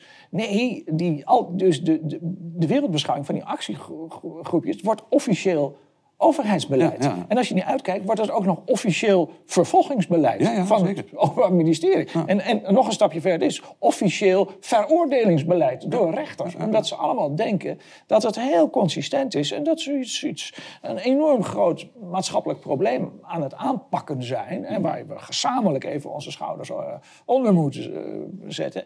En dan komt het allemaal op zijn pootjes terecht. Eh, dus de ideologie dus- zelf wordt hier weer als leidend beschouwd. Ja? Ja, en ja. dat- dat mist ergens een extern eikpunt, een, Mm. een ethisch beginsel, zou je eigenlijk eh, eh, kunnen zeggen. Er is een, Ja. een, een, een nieuw, eh, een nieuw soort ehm, ethiek ontstaan die gedefinieerd wordt door de ideologie zelf. ja. In plaats van Ja. eh, een extern eh, ehm, toetsingspunt is. Maar, maar wat wel dus de Gideonsbende, waar de Gideonsbende eh als boek dus weer even verandering in zou kunnen aanbrengen, naar mijn smaak, dat is dat men op een gegeven moment gaat zien dat dat globalisme ook een ideologie is. En dat moet je wel zien. Nu is het gewoon van, nou ja, problemen kun je niet gewoon gemakkelijk oplossen. Het moet allemaal internationaal en Europees. Oh, wacht, dat is een ideologie. Dat is een manier van denken. Laten we dat eens gaan analyseren. Dat zou kunnen dat, dat, je, dat je daar mensen toe gaat stimuleren. Dat, en, maar het is heel moeilijk. Hè? Een van de dingen die, die mij enorm gefascineerd heeft, ook ehm, ehm, in, in het analyseren van deze hele problematiek, dat is, nou oké, je hebt fascisme, dat is evident kwaad. Dan heb je communisme, ehm, daar hebben we ook niet zulke goede ervaringen mee. Dan heb je islamisme, is naar mijn smaak een reële dreiging. En je hebt globalisme, naar mijn smaak ook een reële dreiging. Je hebt eigenlijk twee ideologieën die zich al in zekere zin hebben gecompromitteerd. Dat is fascisme en communisme. En je hebt twee andere ideologieën, ja, waar dat een beetje onduidelijk Nou, we zijn, we zijn is, nog niet op Dus- het dus- eindpunt. Dus, eh, we- en, en die worden ook niet als een ideologie gezien. Dus, dus er, is ook een, er zijn ook enorm veel krachten die bijvoorbeeld... eh, wat hebben we nou meegemaakt met eh, moord op Theo van Gogh? We hebben meegemaakt eh, de, de, de, de fatwa over Rushdie en de, en, en, en de aanslagen die er op hem gepleegd zijn. We hebben de cartoon-kwesties gehad. We hebben de moord op Samuel Paty hebben we in Frankrijk gehad. Maar het is taboe om te zeggen... ja, maar daar ligt een bepaalde manier van denken aan ten grondslag. Een Het ideologie. zijn altijd verwarde individuen. Het zijn altijd incidenten. mensen en zo. Je moet, en op het moment dus dat je dus gaat zeggen... nee, maar die mensen hebben wel een verhaal, de, de, de, de, de aanslagplegers. En dat is een bepaalde manier van denken. En vanuit hun manier van denken zijn de aanslagen die ze plegen ook, eh, ook heel logisch. Maar het globalisme geldt ook voor. Dat is ook een bepaalde manier van denken. En als je dus eenmaal je die manier van denken hebt eigen gemaakt... ja, dan kom je ook tot al die stapjes die er genomen worden op dit moment. En waar we als Ja. Nederlandse burger gewoon mee geconfronteerd worden. Dus de minister van Defensie die stapt, eh, stapt uit op Schiphol... en bij de vliegtuigtrap zegt ze... nou, ja, we hebben er nog, we hebben er nog eens over nagedacht... maar we gaan tanks sturen of dit of dat, weet je wel. En dan ze- als Tweede Kamer zeg je... oh, wordt het nog aan Maar, ons maar daarom dat ook de, de baas van MI6 Ja. eh, en, eh, tweet op de dag na de invasie... Mm. Wij strijden, en dat beschrijf ik ook in het boek... wij strijden voor de LGBT-rechten. Ja, Deze ja. oorlog, laten we Ja, nooit precies, vergeten dat deze oorlog gaat over de LGBT-rechten. Ja. Dus het is, het is dus ook echt, eh, als ideologie, Ja, het is waanzin, echt gekoppeld aan elkaar. De geostrategische, de, de oorlogen van nu, op het hoogste internationale niveau... en wat we doen met kinderen in het onderwijs. Het is, het, Mm. Ja. het is, het is echt ook, het is dus inderdaad een ideologie... maar het is ook echt één ideologie. Het is één ding. Eén ding. Alles En overkoepeld. Rusland is ook op het gebied van bijvoorbeeld klimaatverandering. eh hocus pocus, want het is natuurlijk van A tot Z is het kolder, dat hele verhaal. Maar het is het land dat bij uitstek staat voor fossiele brandstoffen. Rusland heeft de grootste reserves van de fossiele brandstoffen. Rusland wil een fossiele economie houden. Ja. En heeft ook allerlei wetenschapstradities waarin eh, een contrair verhaal wordt eh, verteld over de oorsprong van wat we noemen fossiele brandstoffen. Dat is dus een westerse hypothese, hè, dat dat komt uit geplette eh, bomen en zo. Ja. En alle Russische wetenschappers zeggen, nee, maar wacht even, er bestaat ook abiotische olie. Dat wil dus zeggen, die is niet door planten en dieren afkomstig, maar dat is, komt uit de aardkern. Dat is gewoon een, een bijproduct van de brandende aarde. En die bronnen vernieuwen zichzelf ook steeds. En dat blijkt ook te gebeuren. Er zijn allerlei redenen om aan te nemen. Misschien klopt, is, is fossiele brandstoffen zijn wel helemaal niet fossiel. Nou, daar zit allemaal zit dat in die, die grote... En daarom denk ik ook dat die strijd met Rusland nog heel lang gaat duren. Ja. Dit is echt, dit kunnen, is, Ja, ja, ja. Ja, ik denk het de, de, de existentiële, het existentiële front voor de globalisten. En ehm, daarom dat ik ook- zoveel erover schrijf, over de verwording van de NAVO. Want de NAVO was in de tijd van de Koude Oorlog de, ehm, de conservatieve kracht in de wereld. Beschermde nationale soevereiniteit, nationale staten tegen het, tegen het globalisme van toen. Namelijk dus het, communisme, dus, eh, dat is het, feite hetzelfde. Eh, maar de rollen zijn nu omgekeerd. NAVO is nu een is nu een revolutionaire beweging geworden. Is een aanvalsorganisatie. En Rusland is de vertegenwoordiger van het conservatieve Europa. Dus het is een soort totale omkering van posities. Of, ja, En daarom dat ook links, daarom dat links was vroeger dus voor de Sovjet-Unie. Want Ja. toen belichaamde de Ja. Sovjet-Unie het revolutionair elan. En nu zijn ze militaristisch en voor een NAVO, want dat is nu het revolutionaire elan.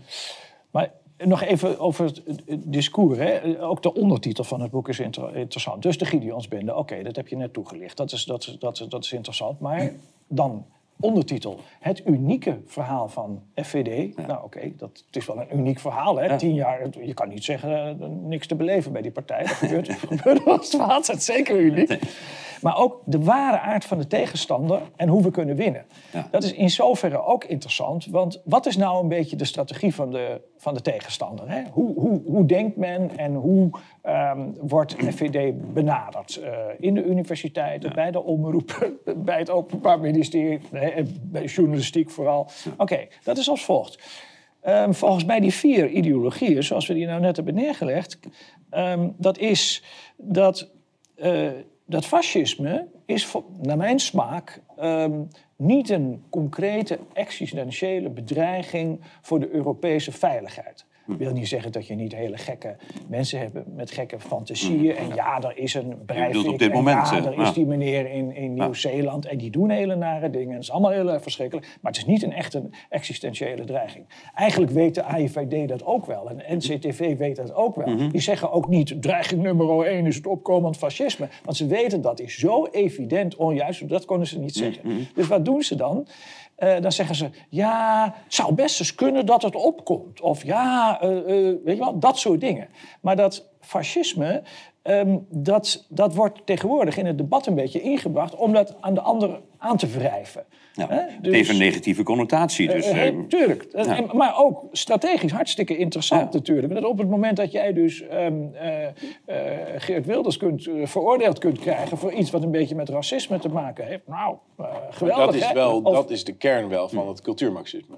Dus Ja, de Adorno ja, en Horkheimer klopt. en zo, Marcuse, Ja, die geloofden daadwerkelijk Ja, dat is dat als je voor het heteroseksuele gezin bent, Ja. voor de nationale staat, dat, Ja. je, dat, dat dat gewoon onvermijdelijk, onherroepelijk vanaf Odysseus leidt het gewoon naar Auschwitz. Het is een rechte lijn Ja. in de geschiedenis. Dat, Ja. En ik noem, dat, ik noem dat een complottheorie. Dat vind ik nou een complottheorie. Het is absoluut ik vind het cultuurmarxisme En het is- echt een complottheorie. Ja, dat is ook zo. Ja. Maar ik heb dat. ehm, ik heb wel dat, dat proberen uit te leggen. Daarom dat zij ons steeds fascisten noemen. Dat, is, Ja. dat het komt uit. Want wij zijn voor het traditionele Europa. Ja. En Ja. ik geloof absoluut niet dat het fascisme daar een verlengstuk van is. Eerder het tegenovergestelde. Fascisme als substroming van het socialisme is een soort, ook een soort revolutionaire. Ik ben het Ja. met jou eens. Het is een totalitaire, revolutionaire beweging die juist haak staat op het conservatisme, Ja. haak staat op de na- nationale staat, op het midden- en kleinbedrijf, noem het dan maar op, democratie.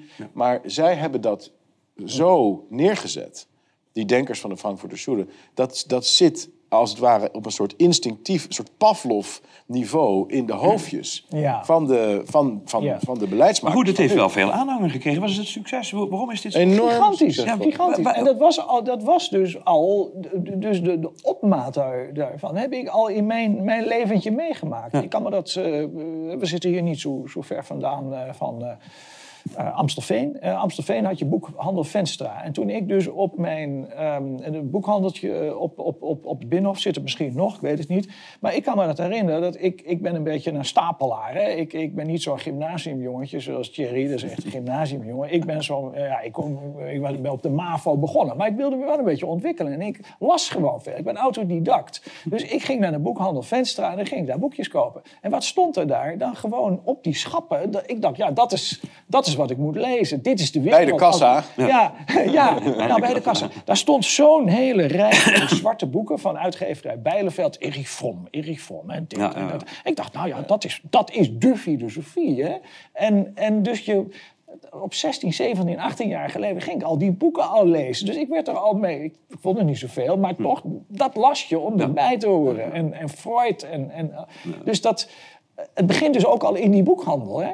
Ja, dus, dus, dus, op de universiteiten werd het heel snel het, Ja, ja, het, curriculum. Ja, maar Ja, ik zeg, ja. het, was toen als het ware in de ja. mode. Hè? Dat was eh, gebruikelijk, het was Ja. in de mode. Dus gingen mensen het lezen. En als mensen het gaan lezen, dan dringt het door tot... Ja. eh, tot wat heel veel mensen ook vergeten is dat de Verenigde Staten de Koude Oorlog vocht.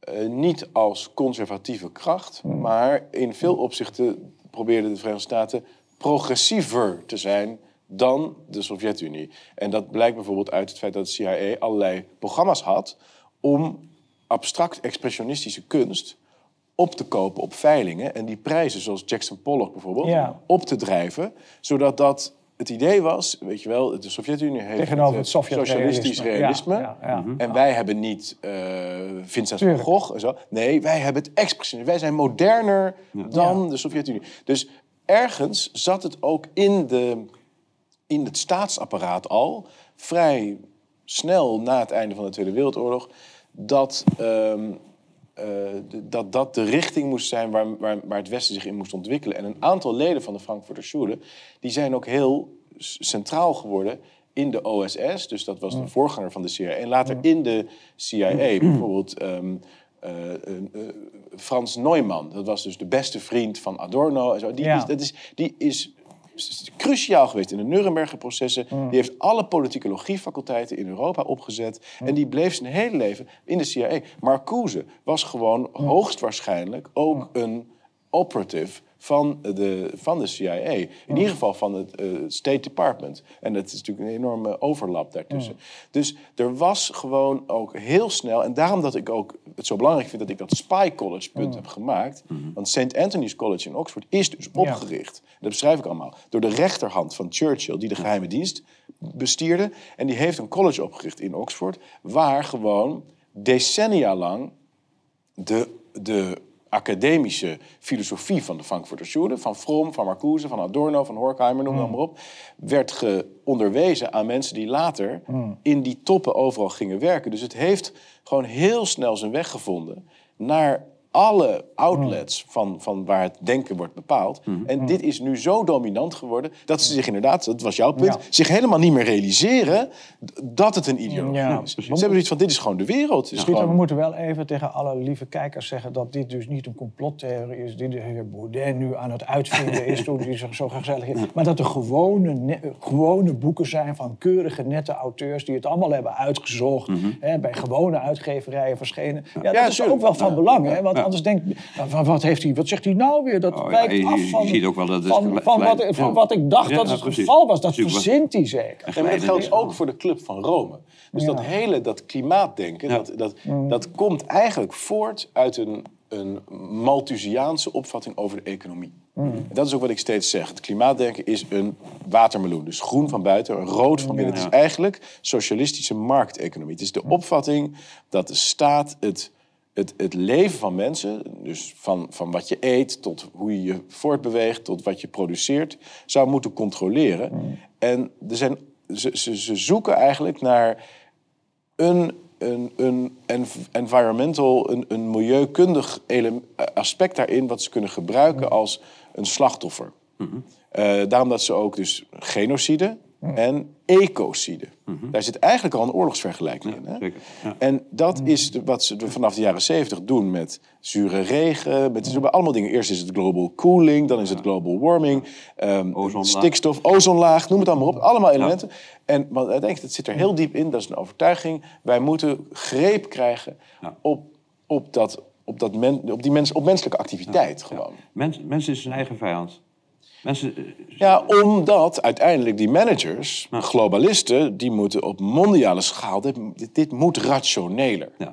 Maar dus, eh, begrijp je daar niet in, dan zijn mensen niet in staat om de boel in goede lijnen, in goede banen te leiden. En dan maken ze een zootje van is dit wat er gebeurt. Mensen zijn hun eigen vijand en hebben dus een, sterke eh, leiding nodig. Daar komt het eigenlijk op neer. Hè? Ze doen uit zichzelf in ieder geval niet het juiste. Nog niet, Ja. maar als de is revolutie achter- geweest is wel, hè, dat die, denk ik. eh, Ze willen een nieuwe mens maken. Ja. En daarom is ook dat woke zo belangrijk. Dus de, de, eh, het andere hoofdwerk van de Frankfurter Schule is niet alleen de dialectiek van de verlichting, dat is dat boek over Odysseus en Auschwitz, maar eh, dat is de autoritaire persoonlijkheid. En dat gaat eigenlijk over de vraag wat voor soort psychologie nou de mens in staat stelt om eh vreedheden te begaan, om eh, anderen te onderdrukken en zo.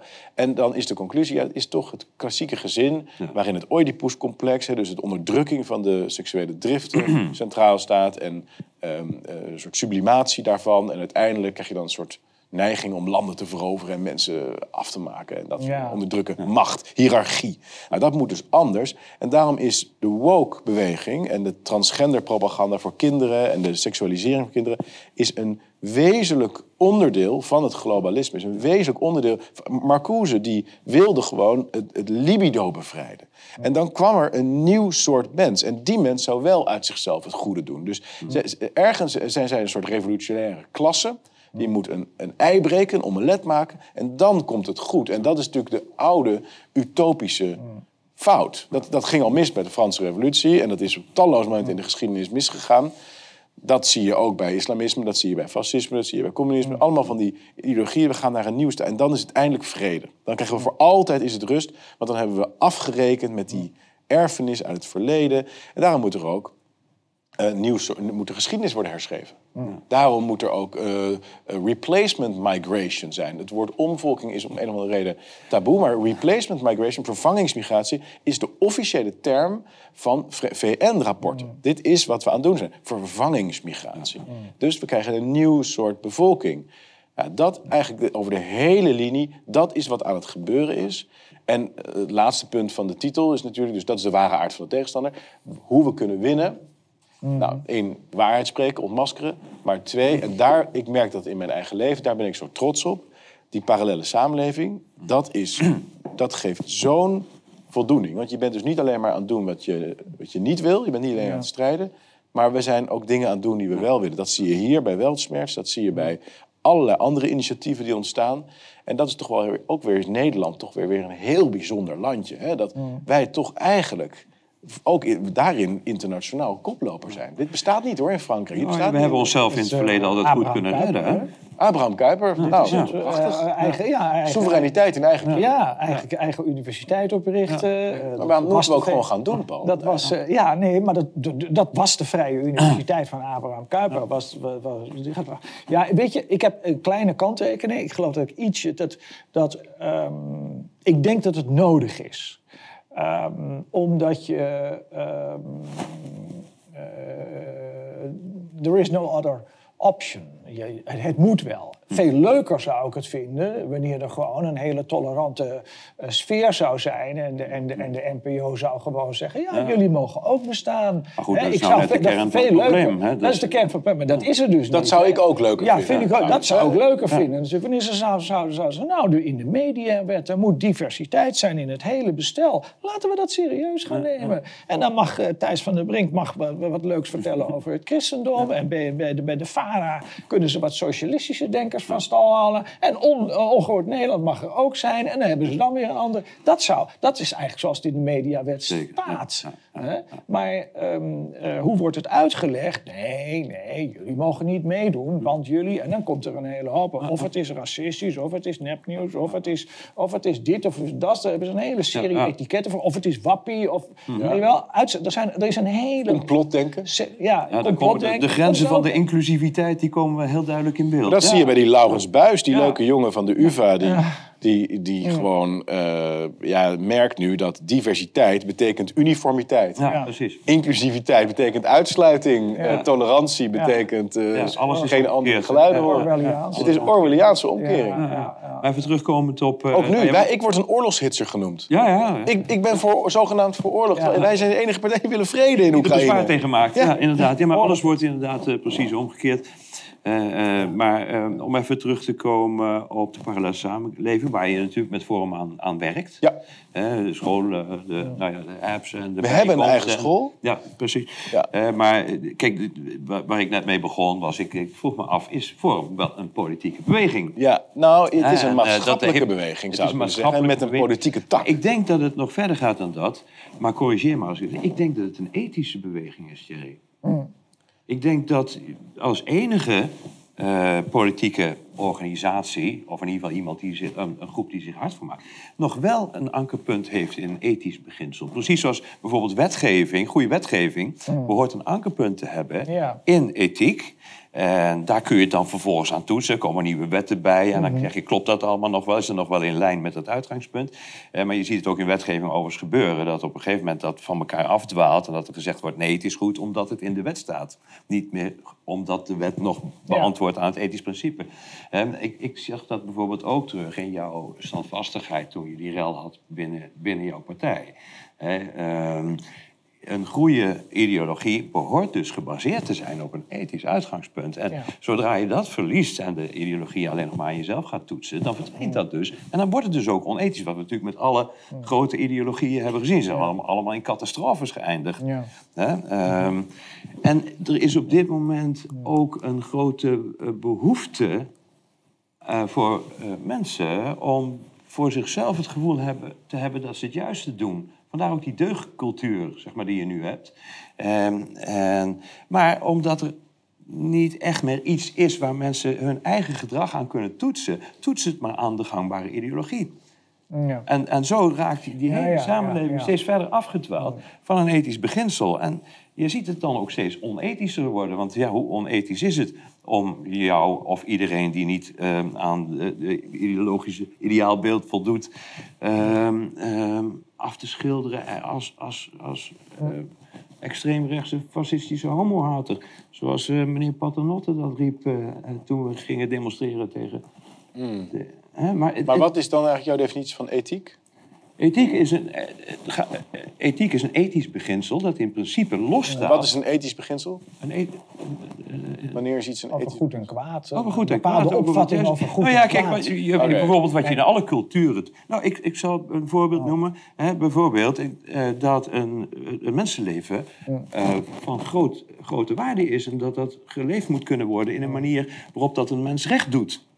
Ja, oké. Maar goed, dan is... Ja, ik weet niet. Zou kunnen... Maar dan zou je ook zeggen, een kookboek is ook een ethisch boek. Want het gaat over goed koken en slecht koken. Ik bedoel, ja. Nou, ik denk dat dat verder gaat dan dat. Kijk, je natuurlijk. hebt, je hebt alle, in alle culturen eh, over de hele wereld heb je eh, wel een soort universeel ethisch principe. Bijvoorbeeld alle wetgeving is gebaseerd op niet doden en niet stelen. Ja. Hè, en de rest is het verder uit. Behalve belastingwetgeving. Ja, nou ja, goed, maar er zijn dus daarna een heleboel uitzonderingen weer opgemaakt. Hè, en eh, dat, ik, dat noem ik cultuurrelativisme, hè, waarbij dan gezegd wordt... ja, maar het is niet helemaal handig om je daar altijd aan te houden. Dus dan moet je uitzonderingen maken. En ik zie dat dat bij alle ideologieën is gebeurd. Eh, bij het Ja. communisme is dat gebeurd. Het, was, eh, het communisme in Rusland was natuurlijk ten eerste bedoeld om de boeren... het was een boerensamenleving...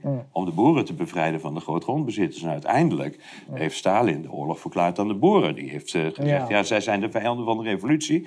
waardoor er ook nog eens een keer 7 miljoen proletariërs... door de honger aan het eind kwamen. Hè, dus het, uiteindelijk, als er geen ethisch eikpunt meer is... van waar doen we het eigenlijk voor? Wat is nou werkelijk van belang? Iets wat buiten de ideologie staat... en waar je kunt blijven toetsen. Dan, dan gaat het mis. Ja. Eh, overigens overigens is, het, is, het, is het zo dat er eh, in het officiële verhaal zijn er wel allerlei ehm, aanknopingspunten voor die ethische beginselen. En bedoel ik met het officiële verhaal zelfs dus het verhaal waarvan de tegenstander eigenlijk zegt dat is voor ons ook normerend. Hè, bijvoorbeeld in de Treaty on the European Union. Dan staat, de basis is menselijke waardigheid. Menselijke waardigheid brengt met zich mee dat een mens recht heeft op rechtsstaat en op democratie. Uitvloeisel weer van die rechtsstaat en van die democratie is dat je krijgt diversiteit, pluriformiteit en dan komt er. Hè, dat, en dat vind ik eigenlijk best goed. Ja, Daar ben ik het ook mee eens. Alleen, ik zie dus dat de wijze waarop het geïnterpreteerd wordt door het mainstream narratief, dat dat totaal ehm, verkeerd is. Eh, en- Het is dus- tegenovergesteld zelfs. ja, absoluut. Dus, dus het is. Dus, en, en, en dan krijg je een beetje dat Orwelliaanse. Eh, Ik vind het natuurlijk ook dat er eh, diversiteit en inclusie moet zijn. Ja, absoluut. vind ik ook. Ik, heb er ook geen, mee- geen probleem mee dat er aan een universiteit een dienst is die zich daarmee bezighoudt Mhm. en daar een beetje op reflecteert. Alleen. Wat je ziet, dat is dat deze waarden gewoon totaal ja, ontaarden. Of ik weet niet wat ermee gebeurt. En het wordt Op de ingezet rift om raken mensen uit het. te Ja. kunnen Ja, sluiten. Ja, precies. Hè? Dus bent precies het tegenovergestelde van Ja, wat het precies het tegenover. Ja. En dat, dat, dat Maar het wordt niet opgemerkt. En, en Nee. dat, dat vind ik zo merkwaardig. Dus ik je, je merkt dat op. Jij merkt erop bijvoorbeeld dat binnen jouw partij een groep zich af wilde scheiden... of de hele partij die kant op wilde trekken. Een richting op die jij niet wilde. En ehm, ja, waarom wilde je dat niet? Ik, Ja, omdat ik eh, niet primair geïnteresseerd ben in een eye over de bol van het systeem, maar het systeem wil veranderen. ja, maar op Ja. basis van, van, van, van welk uitgangspunt? Hè, ik bedoel, Nou, In elk geval merk ik dat eh, ik in, sinds de coronatijd eh, dat ik wel ehm, dat ik het een beetje heb kunnen loslaten. Dus de afgelopen paar jaar vond ik het heel, was ik eh, heel veel bezig met die groep mensen die het niet ziet. Die, zeg maar, die nu met z'n allen het ravijn inlopen. Ja. En ik, ik, op zich richt ik me daar nog steeds. Te- elke verkiezingen geef ik de Nederlandse bevolking weer de kans om gelukkig te worden, vrij te worden, welvarend te worden enzovoort. Elke, elke, elk jaar hebben de bevolking weer een kans. Prachtig. Maar wij gaan gewoon richting het licht lopen. Wij gaan het. Dus ik ben nog maar een heel beperkt deel van mijn leven en daarmee ook van mijn ziel en van mijn hele psychologie en van mijn hart en van mijn gewoon energie bezig met die stommelingen die de wereld aan het verkloten zijn. je wilt het voorbeeld gewoon geven. En, en, en wij doen het met heel veel mensen. We zijn weer de grootste ledenpartij van het land geworden. Meer dan 60.000 mensen. Er is- heel veel aan het gebeuren. Ja. En wij gaan onze energie vooral richten op wat we wel willen. Ja. En dat heeft mijn leven gered, zou ik bijna willen zeggen, veranderd. Ik werd er heel ongelukkig van om bezig te zijn met wat ik niet wou. En daarom, ik, ik, dit boek moest ik schrijven. Ik ben er vier, vier vijf jaar eigenlijk gewoon mee bezig geweest. Om dat uit te en steeds scherper. Nu was het moment daar, want ik was zelf ook helemaal de ontwikkeling doorgemaakt. Dit is het eh, verhaal. Iedereen, ik denk iedereen die het leest, en die dan ook de achterliggende stukken over klimaat en al, die- ik heb het allemaal uitgezocht, alles met voetnoten en al. Iedereen kan dit gewoon tot zich nemen en kan het zien en is welkom om zich aan te sluiten. En wij gaan nu ons richten. We zijn een ark aan het bouwen, weet je wel. Wij gaan iets anders doen. En ehm, ik denk dat het systeem ons ook niet helemaal zal willen vernietigen. Ze zullen het ons moeilijk gaan maken met belastingen, met ver- ver- ver- ver- verbieden van ongehoord, met, met eh, censuur op sociale media, allemaal dingen. Maar ze gaan ons denk ik niet echt crushen. Maar Ze hebben ook een vijand. Ze hebben ook een beetje een vijand nodig. Ja. Kunnen af en toe een beetje op ons schelden. Ja. Fine, doe maar. maar ja. wij gaan... Er zijn er ook veel van, zo langzamerhand. Niet alleen dus die 61 die 61.000 eh, leden van, eh, van, eh, van F... Maar ook alle kijkers van. Weltschmerz. Ook de mensen die Jensen kijken. Ik bedoel, Luca, PVV ongehoord. is toch een hele grote partij. Hè? Ook dat. En die hebben, die hebben eigenlijk een beetje hetzelfde probleem. Hè? eh, PVV kan nu blij zijn dat jij er, eh, dat jij er Ik- bent. ik want hou jij de- bent de bliksemafleider Ja. even. Dus nu, nu, is, nu is ineens Geert Wilders. Nou, die viel toch eigenlijk best mee, weet je wel. Net als eh, na, toen Pim Fortuyn dood was. Van, nou, dan was het allemaal zo goed, weet je. Zelfs bij de Pim was toch genuanceerd, weet je Ja, wel. Maar precies. nou hebben we Wilders en nou hebben we Baudet. het wordt Ja, steeds nee, erger. zo werkt dat toch wel. Ja, Nou ja, je dat- ziet natuurlijk ook, het is- komt op één binnen. Ik bedoel, er Ja. is gewoon interesse voor. Ja. En Ja. ik denk eerlijk gezegd dat die interesse veel groter is dan die lijkt. Omdat eh, heel veel mensen zich simpelweg niet durven uit te spreken. Nee. eh, omdat ze eh, geloven dat bijna iedereen iets tegenovergesteld gelooft. Ja, maar het- Ja, één, één kanttekening, één kanttekening. Kijk, wat je kan doen, je kan dus, eh, daar heb ik meer aandacht voor gekregen, van hoe hou je je staande in deze wereld? Hoe hou je je staande in de intuïties? Hoe, hoe zorg je dat je niet slaande ruzie krijgt in je, in je, in je eigen gezin, of je Precies, ja. familie, of met je vrienden, of dit of dat? Dat is ook een ding. hè? Heel belangrijk. Dus het is heel belangrijk voor mensen ook dat ze ja, een beetje kunnen blijven functioneren. Ja, en dat, ehm, dus zo'n boek, dat kan, je, eh, dat kun je kopen. En dan kun je nog besluiten om het niet in de trein te gaan lezen. Want dan krijg je misschien zure gezichten tegenover je. Of hè. zelfs stiekem dus, dus, dus dat kan je. Dus je kan dus je, je, je huis op slot doen. Hè, deken over je hoofd, een zaklamp aan. Dan kun je oh, even kijken wat er allemaal in deze... Hè, eh, dat, dat is... Maar je kan... ehm, het is een beetje moeilijk om te zeggen... eh, als je werkt aan de Universiteit van Amsterdam... hé hey jongens, ik heb een leuk boek gelezen. Ja, Moeten ja, jullie ook eens doen, weet je wel? Nou ja, ik zou je voor- is het noemen. Ik had net en dus- dan komt de decaan Ja. met je praten. En Ja, de eh, van... nou, dat is toch helemaal... Weet je wel? Ja. Er, is, er zijn zoveel controlemechanismen. Ja, ja, ja, ja. En dat is Ja. ook in die partij, in, naar mijn smaak, ook gebeurd. Dat op het moment dat er dan eh, ergens eh, wat, wat half vergaren jongeren eh, wat gaan zitten eh, rommelen in een chatgroepje, dan worden heel veel mensen nerveus. Want dan worden ze op dat chatgroepje aangesproken. Dan moet je natuurlijk zeggen, ja jongens, sorry, ik zit in de Eerste Kamer. Wat er in zo'n chatgroepje, hou ik me echt niet mee bezig. Mijn verantwoordelijkheid niet. Nee, dat stra- dan krijg je maar niet... Dat straalt op je af. Ja, en ja. Hè, dan krijg je een beetje guilt by association. Dat is- dat en dat vinden mensen heel moeilijk om mee om te gaan. Ja, maar mensen durven Dat- zich ook niet uit te spreken dan. Hè? Ik bedoel, eh, Nee. ze zeggen, ja, weet je, ik, ik vind stiekem, die, die Baudet en zijn boek vind ik wel goed. Ja. ligt bij mij onder, onder en ik lees het. Ja. Maar ja, ik, ga, hem- ik hou er mijn mond maar over. Ja, dat en dus, wel, als veel mensen dat doen, dan houdt iedereen zijn mond. En dan denkt iedereen ehm, dat iedereen denkt. Ja. Dat, hè? En, en, en je zag dat overigens ook in, in, in, eh, in de DDR, zag je dat heel sterk. Hè? In Ja. de tijd, hè? Dat, eh, iedereen wist wel dat het niet deugde, maar iedereen meldde zich wel aan als eh, verklikker. Ja. Ik geloof dat op een gegeven moment 60% eh voor de geheime diensten werkte, stiekem. Ja. Eh, maar ja, weet je, omdat iedereen dacht dat iedereen, omdat iedereen dacht dat iedereen erin geloofde, sprak niemand zich uit. En zo leek het ook alsof iedereen erin geloofde.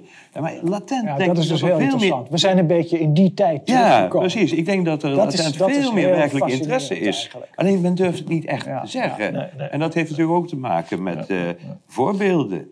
Hè, want je, er worden voortdurend eh, in de media voorbeelden gezien, laten zien van met wie het niet goed afloopt. Nee, Ja. dat is ook zo. En, eh, dus ja, eh, terecht zijn mensen dan wel een beetje, beetje angstig eh, geworden. Maar ik denk wel dat er iets aan het veranderen is nu.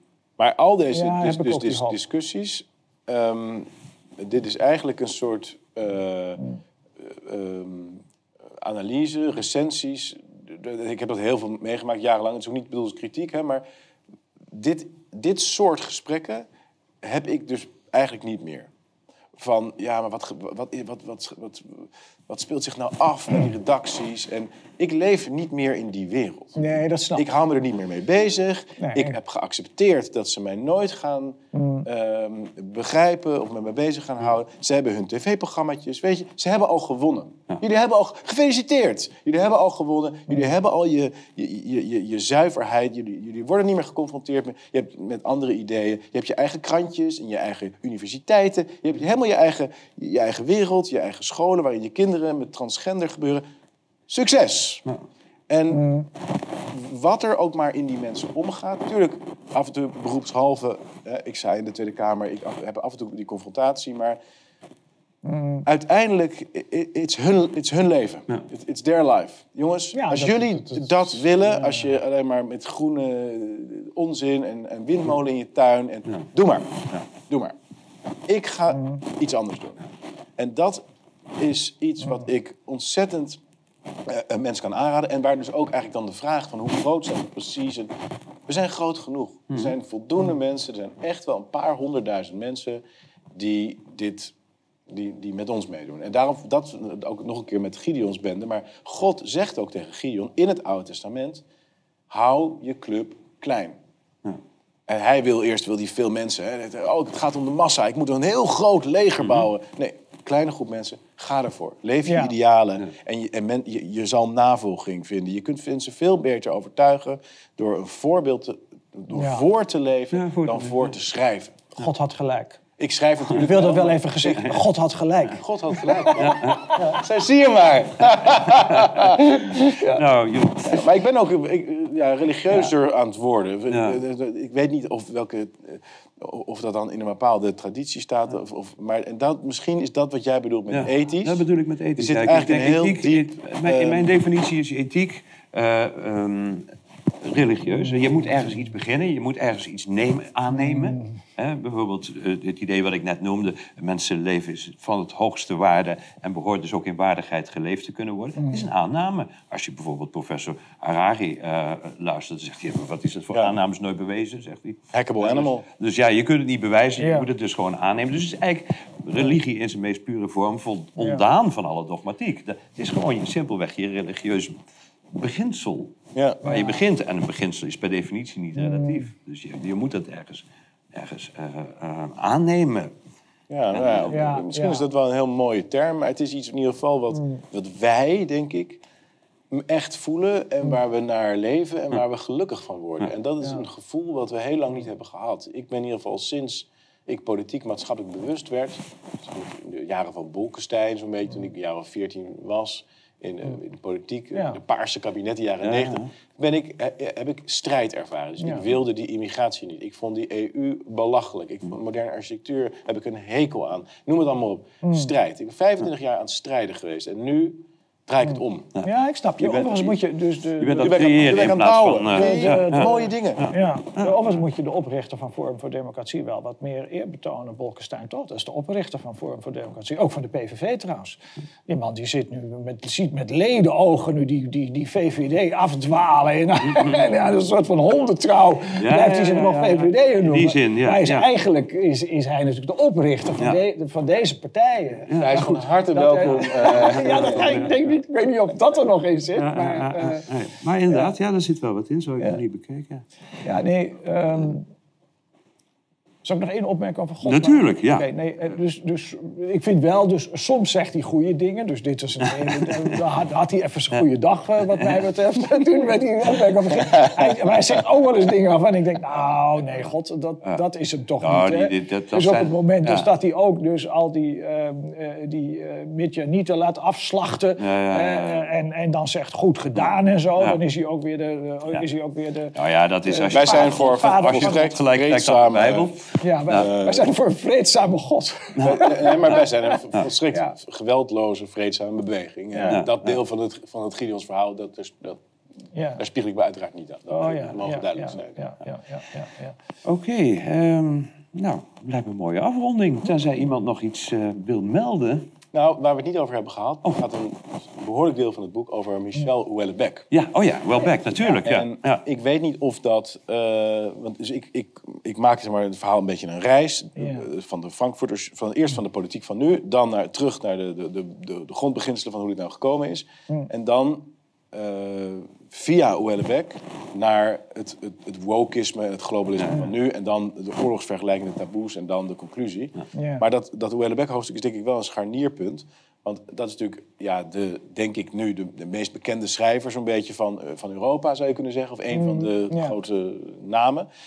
En het opmerkelijke is dat hij ehm, in eerste instantie op handen werd gedragen door het systeem. Hij werd echt als een soort Bukowski werd hij binnengehaald. Hè? zeker in En- Frankrijk. Zeker in Frankrijk, maar ook internationaal. eh, In Engeland, in in de Engelstalige wereld. Dat, dat boek Elementaire Deeltjes, dat werd daar vertaald onder de titel Atomized, dus geatomiseerd. Ja. En dat, dat werd misverstaan, in mijn overtuiging, als een nihilistisch werk. Dus in feite als een cultuurmarxistisch werk. Ja, precies. De westerse cultuur, de westerse beschaving is krachteloos. Let's do away with it. We gaan lekker vrije seks. We gaan lekker eh, bot zijn. eh, Het kan me niks schelen allemaal. Dat, dat idee, dat, dat was het beeld dat, dat leefde over Michel Houellebecq. En daarom werd hij zo eh, populair. Maar hij heeft zich ehm, steeds duidelijker ontwikkeld voor als, en, en getoond als de conservatief die hij is, in mijn ogen. En ehm, hij, be- hij beschrijft eigenlijk ehm, hoe de westerse beschaving en ook de westerse mens kapot wordt gemaakt door de heersende ideologie. en, en van binnenuit, dus niet alleen maar door de, door de moslims of door de eh, vrije seks of zo, nee, maar het is veel fundamenteler. Het is een, het is een aanval op eh, een betekenisvol bestaan. Ja, Eh, en ook daar zit misschien dat punt van die ethiek Ja. van jou weer in. Want daar, het gaat ook eigenlijk daarover. Hoe kunnen we nog betekenisvol samenleven? En ik denk dat... eh, dus ik, en ik besteed best wel wat tijd aan zijn werk en aan het belang daarvan. Omdat het... eh, je hebt ook kunstenaars nodig om dat in beeld te brengen. Dat was ook zo in de Sovjet-Unie met een Solzhenitsyn. Maar eigenlijk in alle fases van de geschiedenis zijn het kunstenaars geweest die ons eh, bewust maakten van de keerzijde van bepaalde ideologie. Het impressionisme is eigenlijk een, in mijn ogen is een esthetische beweging die zich keert tegen de industrialisatie. En het kwijtraken van de magie van de natuur. Dat proberen ze terug te krijgen met die dromerige beelden en zo, bijvoorbeeld. Kun je heel veel voorbeelden noemen. Maar dat zie je ook bij Michel Houellebecq. Daarom vind ik dat zo belangrijk. En hij is volgens mij de enige ook die dat, die dat zo doet. Die, dat, die, die, die moderne mens, die verweesde mens neerzet als wat hij is in zijn allerlaatste boek, wat volgens mij nog niet in het Nederlands is vertaald. Dat weet ik niet. Dat is, in het Frans heet het anéantir, dus eh, verdwijnen, zeg maar. Ehm, Daar beschrijft hij voor het eerst in zijn werk hoe. Dus het gaat over een familie uit de Beaujolais, drie kinderen. En, eh, en de vader die krijgt een infarct en die sterft. En die kinderen die keren terug naar het familiehuis, als het ware, om het eh, stervensproces en het, en de begrafenis en zo te begeleiden. En die hervinden betekenis door een niet gekozen verband, namelijk het familieverband. Die hervinden ook in hun relaties prachtig einde. Ik moest er vanochtend nog aan denken. Het is zo mooi, het einde van dat boek. Dan gaat de hoofdpersoon dood. En dan zegt zijn vrouw, die, die, die weer gevonden heeft na een heel moeilijk huwelijk... ehm, je zal niet te lang op me hoeven wachten. Prachtig. Zo mooi, zo ontroerend. En dan is het dus eigenlijk is het een beetje... Het boek is eigenlijk stilistisch mislukt. Het, het lukt hem, je ziet hem zoeken, je ziet hem echt worstelen. Ik denk ook dat hij niet alles zelf heeft geschreven. Want de stijl verandert dermate. En, Maar het is, je ziet, de hand van de auteur zit er wel. Houellebecq probeert ook die stap te maken die wij nu aan het maken zijn... naar wat willen we wel? Ja. Hoe gaan we Wat wel is betekenis? betekenisvolle verbinding En maken welke- met elkaar? Wat heb je ervoor nodig om die betekenis te hebben? hè? Maar, maar het is precies, als je het zo omschrijft, is het precies andersom eigenlijk als aan als in andere boeken. Ja. Hè, waarbij het proces van nou ja, atomisering, van totale Ontbinding. betekenisloze ontbinding. eh, en ik kan me voorstellen dat het daardoor misverstaan is, misbegrepen is als nihilistische boeken. Hè? Precies. En als je het nu met terugwerkende kracht leest, met wat je nu weet, Ja. dan zie je dat er eigenlijk dat het een, vooral illustratie was van de lelijkheid Ja. eh, van die atomisering, van die, van die betekenisloosheid Zo, geworden. zo, zo kijken wij nu ook naar Prokofjev bijvoorbeeld. Ja. Russische componist was dan de favoriet van, eh, van Stalin en zo. Omdat Stalin dacht, ja, hij, hij, hij toont in zijn muziek de, de revolutionaire kracht. En nu met wat we weten en zo. Nee, hij toont de horror van het communistische systeem. Maar dat was zo die, die dubbelheid van grote kunstenaars. Maar dat is dus wel, eh, ja, dat, dat, dat komt dan wel goed uit, hè, dat het misbegrepen is. Ja, Want daardoor is kennen hij we heel beroemd geworden Ja. en populair geworden, op Ja. handen gedragen. En nu eh, ja, duidelijk wordt wat hij ermee wil zeggen. eh, Ja. ja. dan, dan komt het, het systeem komt een beetje in de spagaat terecht. Zo, ja, we moeten er- in verwarring. Ja, Wat moeten we daarmee? en daar, maar daarom hoop ik... Want hij, hij, hij, hij, hij eh, krijgt toch al de wind van voren, hè, nu? Ja, daarom. Ah. Ja, dus eerst was het zo van, ah, was een soort van eh, the, the person everybody loves to Ja, hate. ja. En nu is het echt, nu zit hij in een hoekje eh, als clown, zeg maar. En hij moet, moet, moet- Wayback. Ja, tuurlijk. Ja. Het is nog steeds wel een groot schrijver en het wordt gelezen. Ontzettend leuk. Dat Ja. soort dingen. Maar, Maar, hij, ik haalde weer hele andere hij hoort er niet meer bij. maar- Nee, dat, dat is heel interessant, heel interessant. Maar ik weet niet of ik daar nog een boekje over open moet doen, of niet? Over Nu bedoel je? En- Eh, wil je iets over Oké. zeggen? Ja, nou ja, goed, ik, Ik ik, bedoel- ik vind dus, de, de- met Whale Beck is dat enorm... ehm, eh, dat autobiografische vind ik ontzettend mooi hè, in platform en, en, en, en ook eh, Soumission, denk ik. ik, wa- waar ik. Ik vind Whaleback ook van, van groot belang in, in de, de confrontatie. En het is misschien iets, een dimensie waar jij je niet mee bezig, hebt gehouden, maar confrontatie met het islamisme. Hè. Eh, hij heeft in platform, heeft, hij, heeft hij toen eh, een prachtige passage geschreven over, over een Egyptenaar die, die, die kritiek heeft op de, op de islam in zijn land. Dat zijn die hele Egyptische cultuur heeft vernietigd. Hè, dat is ook een soort. En, en op basis daarvan heeft hij allerlei kritiek eh, heeft hij gekregen. Ook een beetje dreigende, dreigende situatie. Want op het moment dus dat jij als groot, eh, groot schrijver, denk aan Salman Rushdie, de aandacht gaat trekken van, eh, van, van moordenaars in het Iraanse Kan- regime of ja. Afghanistan of Pakistan, dan is dat niet zo best. Hij heeft ook een conflict gekregen met ehm, eh, de, de, de moskee in, in Parijs, ja. En ze gaan hem aanklagen en ze gaan hem een proces gaan ze hem aandoen. Daar, daar is hij dan wel van vrijgesproken. Maar nu speelt die, speelt die kwestie weer. En ik denk dus dat hij, dat hij met, met, met Soumission toen heeft gedacht van... Nou, ik zal jullie, ik zal jullie dus hebben. Ik ga dat fictionaliseren. Dan ben ik ongrijpbaar. Hè? Want het is een ontzettend beklemmend boek eigenlijk, Ja. is eh, Soumission. Je denkt, oh, als di- dit is dus wat er kan, kan, kan gebeuren met een land... die die eh, is- islamistische dreiging niet serieus neemt. Hè? En ehm, nou, daar is hij dan weer goed uit naar voren gekomen. En nou heeft hij weer een nieuwe rel naar aanleiding van een interview. Dus hij is ook heel erg ehm, eh, interessant als een, als een soort van key figure in de, in de strijd met wat, wat ik dus noem die derde ideologie, het islamisme. Ja. Hè, fascisme, communisme, islamisme en globalisme. En hij, zit, hij is erg belangrijk in... in, in, Waar gaat in- Soumission over het islamisme? Volgens mij niet. ehm, Het gaat over de islam. Nou ja, kijk, het, het, het, islamisme dat gebruik ik als, als de ideologie die zich baseert op de islam. Dus dan parkeer ik even weg. Het gaat toch over een gematigde, ge-Europeaniseerde islam? Ja, maar goed, dat, dat hangt ook voortdurend wel een beetje de, de, de angst voor een, voor een wat andere Ja, vorm hangt daar. Hangt er, hè? Dus het is allemaal heel scary. Dus die, die, die, die ehm, wat is het, die ehm, dames in, eh, met, met, met, met eh, wat is het, met, boerka's die daar in die universiteit staan. En de, het wordt voortdurend is er een onheimische sfeer. Ja, dat- in, in, in- hangt er boven dat boek. Dus, maar ja, goed. Ja, gema- gematigd. Ja, weet je, gematigdheid is ook, kan, kan ook strategisch worden eh, eh, gebruikt. Nou, ja, hè, om ja, maar ook- acceptatie eh, te... Maar als ik nog een- even mag, wat er in Soumission ook zit, en dat is verschrikkelijk, dat op een gegeven moment gaat dus, de, ik zal maar zeggen, de progressieve partij, die gaat dus een alliantie aan met het islamisme. Wat, ook, wat je dus in Nederland ook kunt krijgen, dus met, met, met de, de linkse alliantie van de PvdA en GroenLinks. En die kunnen, we hebben nog niet zo'n grote islamistische beweging in Nederland. Maar als je dat wel gaat krijgen, dan gaan die linkse mensen, die gaan daar een alliantie mee, mee, mee- die kunnen daar een alliantie mee aan- aangaan. En dat, dat ligt in, in eerste instantie niet voor de hand. Maar als je even naar Woke kijkt, eh, dat, dat kan heel goed. Hè? Ja. Het is niet voor niks. Dus Het kan ook heel vlug gaan. Ja, bij GroenLinks en D66 D66, PvdA, kritiek op het islamisme is volkomen taboe. Dat wordt je niet geacht te doen. Dan ben je islamofoob. Ja. Hè? En dan wordt er veel kabaal gemaakt. En dan hopen ze dat het Openbaar Ministerie in actie gaat komen. En dat er rechtelijke veroordelingen gaan komen. En in feite is de veroordeling van, eh, van Geert Wilders is, is, is, is, is dan een, een voorbode van iets wat nog wat verder moet worden uitgerold in, eh, in, de, in de rechterlijke macht. En hoe zie jij de relatie eh, islam, islamisme, globalisme?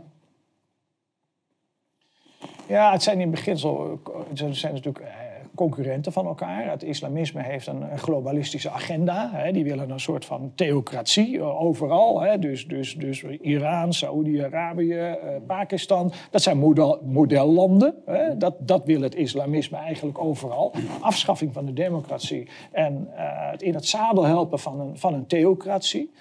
Uh, daar moet je je tegen uh, te weerstellen. Uh, en ehm, het, het, het, globalisme heeft daar eigenlijk, wil zich daar niet toe verhouden. Dus het, het faciliteert het wel. Hè, Ik denk dat het globalisme inderdaad de, de, de, de, massale immigratie, zeker ook van moslims naar Europa, Voilà. faciliteert, omdat het namelijk de nazistaat stuk maakt. Tuurlijk. Dus en het een- ondermijnt de, de Nederlandse cultuur. dus. Nederlanders mogen geen eigen cultuur meer Ja. hebben. Want als je dus zegt, ook de Nederlandse cultuur, dat is een eigen cultuur met eigen waarden, eigen normen. Oh la la, dat is racistisch, xenofoob, eh, islamofoob, de hele rattenplan. Hè? Dat- d- dus Maar het is ook een beetje een opportunistisch verbond, eh, Ja. zeg jij eigenlijk. Hè? ja, En, eh, en dat zit in soumission, dat opportunistische Ja, precies, verbond. Dat, ja. is- dat, dat, is, dat is een beetje de... ehm, ja, dus je, als je nog even, nog één keer, maar dan zal ik het niet meer over hebben, over die vier. Maar als je nog één keer naar die vier ideologieën teruggaat, kijk, dat fascisme is overduidelijk verkeerd. Vinden we ja, allemaal. Maar daar hebben we ervaring mee. Dat eh, kan in diezelfde vorm Nee, niet terugkeren. Nee, denk ik ook. Maar wat je wel kunt doen, je kan je politieke tegenstander die niet meewerkt met jouw politieke agenda, kan je proberen dus het fascistische etiket op zijn Ja, voorhoofd ge- geplakt te krijgen. Gebeurt Eh, ook Dat is eigenlijk wat er natuurlijk gebeurt. Dat was die laatste reden dus van mevrouw Kaag in Den Haag. We moeten tegen extreem rechts. Ze heeft nog niet, als minister van Financiën heeft nog niet eens de ambitie om ook maar iets te zeggen. Nou, dit heb ik ongeveer gedaan. Vonden jullie het leuk of niet? Nee, weg. We gaan maar voor één ding.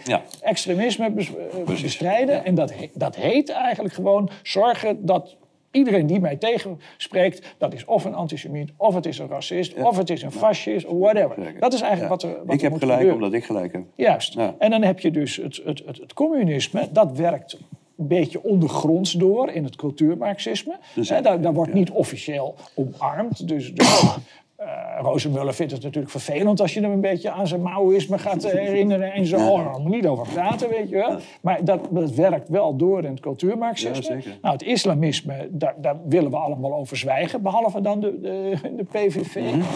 Ja. En, maar dat is ook eh, een beetje een one-trick pony eh, geworden. Hè?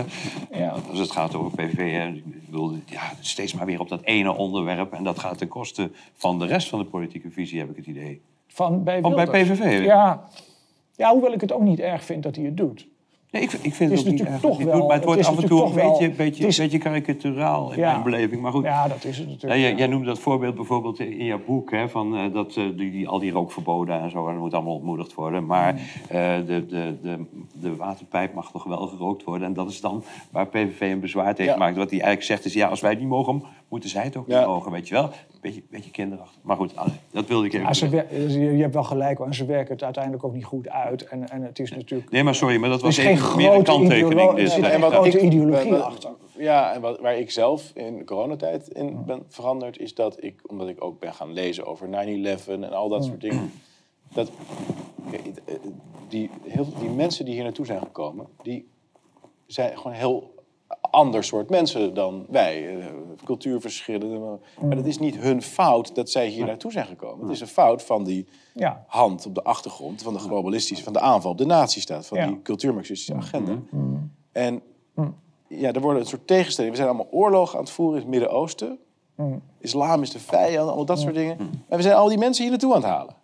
Ja, het is dus een enorme onrust wordt er in die... Maar ik ben dus wat anders gaan kijken. Zij kunnen daar ook niks aan doen. Het zijn ook klopt. goede mensen in heel veel Ja. gevallen. Die, die, die, eh, ja, je hebt ook slechte mensen in andere bevolkingsgroepen. Maar kom aan.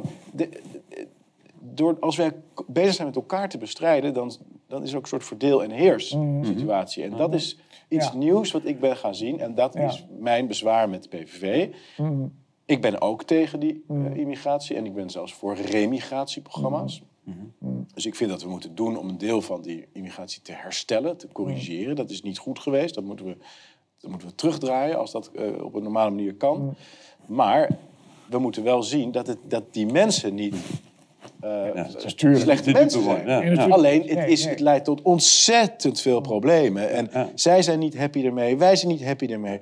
En ik mis bij het PVV die helikopterview, dat inzicht van waarom gebeurt dit nou? Tuurlijk, en dat is dus ook wat er gebeurde met, nee, met nee. corona bijvoorbeeld en nu met eh, Oekraïne. Ja. Zij zien niet het verband tussen Absoluut. die... Ja. Dus ik ben altijd heel terughoudend omdat ik Geert eh, persoon mag, maar ik vind ook dat de PVV heel veel moedig werk verricht. En, Ja. eh, en ik mag gewoon eigenlijk die PVV's heel graag. Maar ik vind dat echt wel een groot verschil met onze partij. Dat wij toch...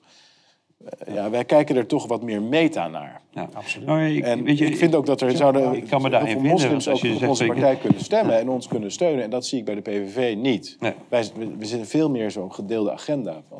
Nee, eigenlijk heeft de PVV die heeft alleen maar een, een, een, een wat radicale agenda wat die islam betreft. En dat is trouwens een hele radicale eh, agenda. Veel radicaler dan eh FVD overigens, maar dat is Ja. een hele radicale agenda. Dat is een, een beetje een issue. nou, het is wel een van- beetje anti-islam. Natuurlijk is het... En- Ja, maar nee, dat zullen ze ook helemaal... Dat, nee, dat, maar die dat mensen is die niet zo zijn hier. Maar er is wel een verschil, hè? Je, je zegt eigenlijk, waar- ik me zorgen over maak, Ja. is eh, over de ontkenning van eh, de waarde van, van eh, culturele samenhang. Ja. Hè? En eh, dat is voor beide waar. partijen Ja. Mm. gaat dat verloren als je het met elkaar mengt.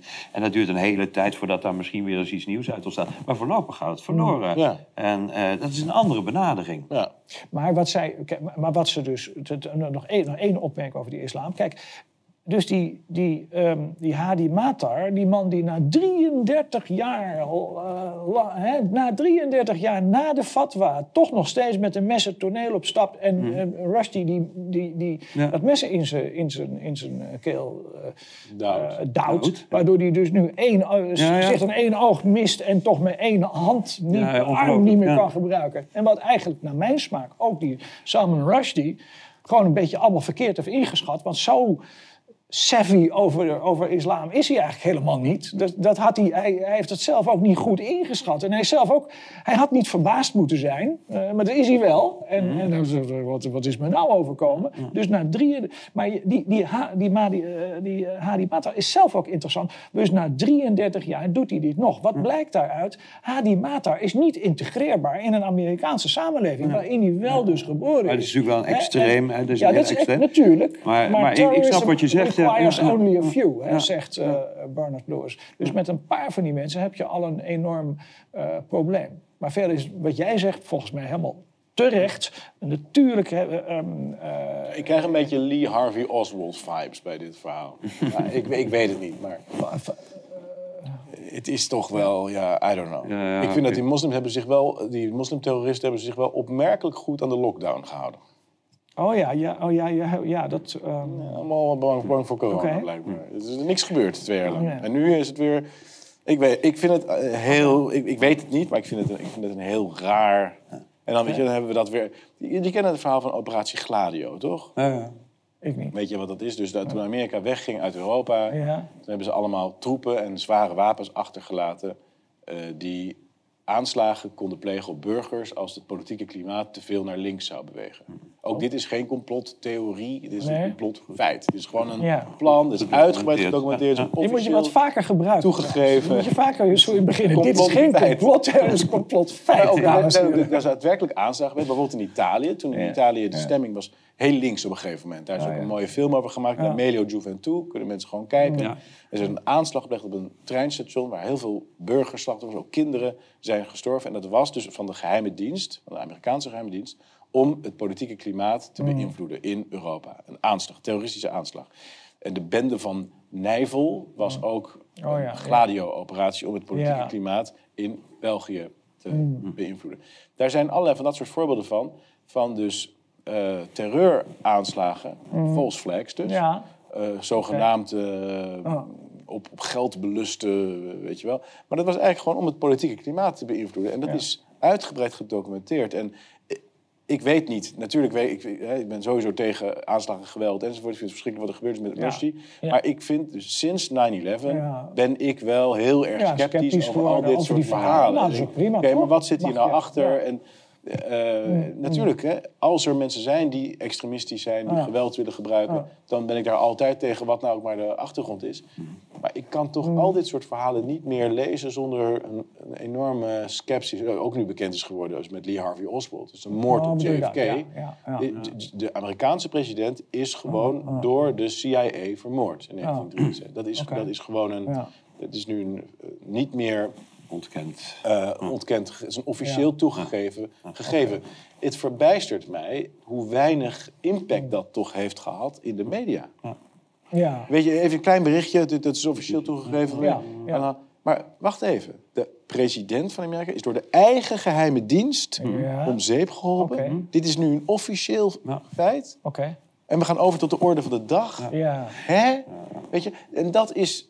Ja, Maar dat is- Tru- dat is de Trump macht die stelt dit soort dingen wel aan de orde. Overigens ken ik het verha- verhaal van Oswald niet. Die stelt dit soort dingen wel aan de orde.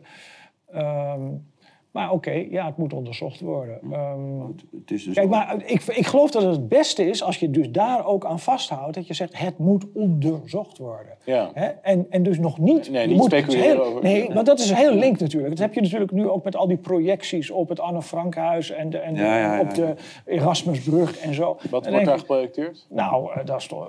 White Lives Matter stond er op de Erasmusbrug. Dat Oh. zijn van die projecties. Dat maken ze met, met elkaar. En op, de, op, de, op het Anne Frankhuis heeft daar eh, balpen. uitvinder wat dan een verwijzing is naar het feit dat het Ja, kijk, diary... Ja, daar gaan, dan, daar gaan er geruchten over dat dat dus ook een soort van false flags zijn... Om de, de, de, de tegenbeweging zeg maar, nog verder in Oh, de indruk te wekken dat, dat, dat het eh, bijvoorbeeld door... dat er allemaal antisemieten... Ja, dat het bijvoorbeeld of door, door Nou ja, is PVV'ers want dan is de- dus hoe gaat dat dus, dus, die, de- die, dus die projecties, hoe gaat dat dan verder de media in? Nou, dat is in al die talkshows op de Complot- Ik leef in een andere wereld. Ik, weet, ik wist dit Oké, maar dan ga ik je vertellen. Want het, nou, maar dat is wel heel van belang voor de komende drie weken, ook voor de verkiezingen. Dat, dat is dus, dan, dan gaat men zeggen, ja, ja het, nou, het extremisme is een groot probleem. En, extreem Oh, eh, rechts eh, krijgt steeds meer aandacht. Dit is nu recent gebeurd met die projectie. Ja, week een paar weken terug. twee weken maar, geleden. maar dan is natuurlijk de vraag... En, een en- balpen. En, dan wordt het... Ja, maar, dan, maar dan, ik kan het zo uitleggen. Maar, maar het gaat er even om die projecties. En wie heeft dat nou gedaan? Ja. En dan is de suggestie natuurlijk... Ja,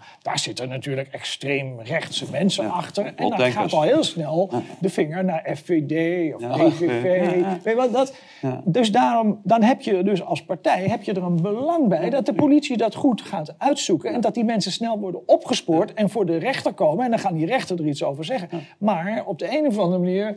Wordt het niet onderzocht? Nou ja, ze doen dus... Er heeft een NRC heeft er nu een, een stukje over, over gestaan... en dan zeggen ze, nou, het zal wel dat kunnen zijn... en dat kunnen zijn en dat kunnen zijn. Maar ik wil die mensen voor de rechter hebben. Want dan wil ik, wil ik dat, je ook, dat zij hun eigen verhaal vertellen. Zodat, je, zodat die, Wat die, ze die een media... balpen hebben geprojecteerd op een Nee, museum. een ze hangen op het niveau. Tekst op het, op het Anne Frankhuis. Kijk, er is er op een gegeven moment een idee ontstaan... dat het eh, dagboek van Anne Frank met een balpen geschreven zou zijn. Oké. En toen heeft iemand gezegd, ja, dan kan het niet authentiek zijn. Want er bestond nog geen balpen in de Tweede Wereldoorlog. Oké. Er is dus in het, wat ik dacht, dus in het, in het manuscript, het oorspronkelijke manuscript van eh, het eh, dagboek van Anne Frank, heeft een, papier, een stukje papier gezeten. En daar was iets met balpen geschreven. En balpen had men toen nog niet. En dan wordt er dus in, wat dan in de media wordt genoemd, extreemrechtse kringen, wordt er gespeculeerd over het feit dat het hele dagboek van Anne Frank wel eens vals zou kunnen zijn. En dat is Waarom een, is dat een extreemrechtse gedachte, als dat zo zou zijn? omdat, omdat extreemrechtse mensen die willen uh, uh, Anne Frank uh, Ja, belasteren die, die en willen de holocaust En ontkennen en dat soort dingen. En, in, en die wens is een antisemitische wens. Dus er is ook een grote... Wat een, wat een lange train Ja, of thought. Jawel, maar, dat zijn, maar al die associaties zijn toch wel belangrijk. Want die krijg je wel aan je broek. Dus je moet een beetje weten hoe, hoe, hoe, hoe ze denken. En in dit geval vind ik dus dat het van belang is... dat de politie van Amsterdam en de politie van Rotterdam... heel erg hard hun best gaan doen... om die mensen die die projecties hebben gemaakt... om die naar voren te halen. Ja? En als, op het moment dat ze daar een beetje... ehm, weinig werk van maken, dan word ik, dan word ik dus een beetje eh, sceptisch. En denk, oh, waarom heeft dat geen prioriteit? Is dat soms omdat ze het leuk vinden om het, de extreemrechtse verhalen, het extreemrechtse gevaar, gewoon tot, tot, tot, tot rare proporties op te blazen. Nou ja, dat, Dat is gewoon een beetje- Het is verontwaardiging oproepen en dat Ja. altijd wel goed. Hè? En, eh, wat, Dus wat- dan net- moeten al die ja. onderzoeksjournalisten moeten gewoon aan de gang. Ja, en Dat is weg. Dat wat je nu zegt is weg. Dus de, de, Ja, die de, de- dat dat is zo grappig, dat Seymour Hirsch verhaal. ja. Dus de, kritische onderzoeksjournalist eh, die dan eh, schrijft over de, de, wie dan de pijplijn zou hebben opgeblazen. Ja. De Nord Stream eh, lijn. Ja. Maar, dus dat is de, de enige die überhaupt als uitgangspunt neemt... ja, maar waarom zou ik de overheid vertrouwen? ja. En dat Ja. was nu ook zo eh, met dat AIVD-rapport. Erik Akerboom van de AIVD, het rapport. En die, eh, daar, Mm. wat dingen, dat, dat de, de Russische dreiging, en Ja. de spionnen en weet ik wat allemaal. Maar als je dat leest, dan lees bijvoorbeeld op pagina 14 staat... eh, in internationaal verband zien we dat er vanuit Rusland eh, opmerkelijk veel minder aandacht is voor Nederland dan voor andere landen. Dus dat is een, con- is een contra-indicatie, zou je kunnen zeggen, van het verhaal. Ja. Dat wij, eh, allemaal- Ja. een hocus-pocus verhaal natuurlijk. Maar eh, dat, daar zou je dan op kunnen doorvragen. Als journalist bijvoorbeeld. Van leg eens uit. Hoe, Ja. En waarom dat u dan zo wijst. En, eh, eh, maar dat gebeurt niet. Er is ook helemaal niet bij een journalist zo'n gedachte van... wacht even, over drie weken zijn de verkiezingen. Die gaan voor een belangrijk deel over de oorlog. Nu wordt dat rapport gepubliceerd. Is daar misschien een verband? Is daar politieke sturing geweest? Laten we daar eens even een WOP-verzoekje over Een indienen. Dus alles wat de overheid doet, ook met corona. De journalistiek volgt gewoon één op één het overheidsverhaal. Ja. Stikstof, hetzelfde verhaal. Ik vind dat zo opmerkelijk. Wanneer is dat nou gebeurd? Dat de journalistiek zichzelf niet meer ziet als luis in de pels van de, van de staat... maar als, als bijna als, als waakhond, als beschermer van de macht. Nou, ik heb er wel wat begrip voor in die zin. Kijk, jij- we hadden Ja. het net over die... die eh, ja, die, nou, ik, ik snap wel hoe het werkt een beetje, denk ik. Ja. Eh, dat, dat, die, die, al die, dat hele ideologische pakket, hè, dat is hermetisch. En jij noemde dat woord, het is hermetisch. En je, kunt dat, je mag alleen meedoen als je volledig meedoet. Als je één teentje over de grens zet, dat zagen we bij die Laurens Buis bijvoorbeeld... Hè, die zelf ook echt een woke-idealist eh, was. Wel, ja. Eh, alleen een klein, eh, een, een klein beetje kritiek had en Ja, meteen op non-actief ge- gezet werd. Maar het is alles of niks. Hè, en eh, kijk, ik denk dat veel journalisten hebben misschien wel eh, onderdelen eh, ehm, zich daarin kunnen vinden, maar ook niet in alles. Maar ze moeten een keuze maken. Ze moeten een keuze maken, alles of niks. Want eh, ja, degenen die kritisch zijn, die, eh, die, die worden eruit gemikt. Je hebt Maar de- maar je door elkaar- wetenschappers. Ja, ja, en je, ja, je ziet dat... eh, Door elkaar, dat is zo gek. nou, Door door, elkaar. Het probleem is natuurlijk wel die- die- dat degene die kritisch wordt op wat gangbaar is binnen de groep, binnen de laag waar je functioneert, dat die natuurlijk een, een eh, bedreiging wordt voor de collega's. Ja. Wij willen niet ontmaskerd worden. Dus eh, weet je, je hebt dat gezien bij, bij Mona Keizer. Staatssecretaris Mona Keizer. Ja. Die op een gegeven moment zegt, ja, ik kan het niet meer met mijn geweten. Maar dat is een politicus. En Ja, maar ik het, snap het, het, in een mechanisme partij werkt hetzelfde. Het werkt overal hetzelfde. Het werkt zo- want Ja. Kijk, daardoor zijn journalisten natuurlijk ook eh, ik, gedreven, gemotiveerd om eh, ja, maar wat losser met hun beroepsethiek om te gaan. Mm. En, eh, en dan wordt natuurlijk, willen ze ook liever niet dat, dat ze daar voor ontmaskerd worden. Het begint natuurlijk Ja, al ja, met eh, fina- financiering. Ja. Aan, aan, aan Ja, ja. financiering. Je hebt een, een toenemende verwevenheid gekregen, ook met, eh, tussen de universiteiten en, en, en, en de politiek. Oh Ja. Door ook de financiering. hè? Dus eh, er was een tijd lang. De universiteiten waren betrekkelijk onafhankelijk. Die werden gefinancierd, zoals dat dan heette, in de eerste geldstroom. Ja. En de enige die dus gaat over het thema, dat is eh, nou, de mensen die hoogleraar aan de universiteit zijn eh, geworden.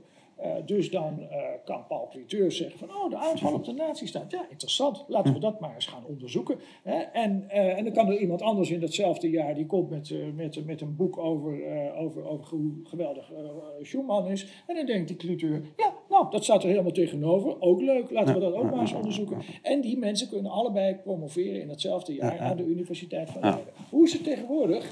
Nou, er zijn allerlei geldstromen die lopen naar die universiteiten toe. En die universiteiten zeggen, we moeten ons een beetje gaan inverdienen. Eh dan moeten ze zich gaan co- conformeren aan dus die Ja, ja, millennium ja. goals natuurlijk. En, en als betaalt die ja. zegt, ja, daar geloof ik eigenlijk niet in.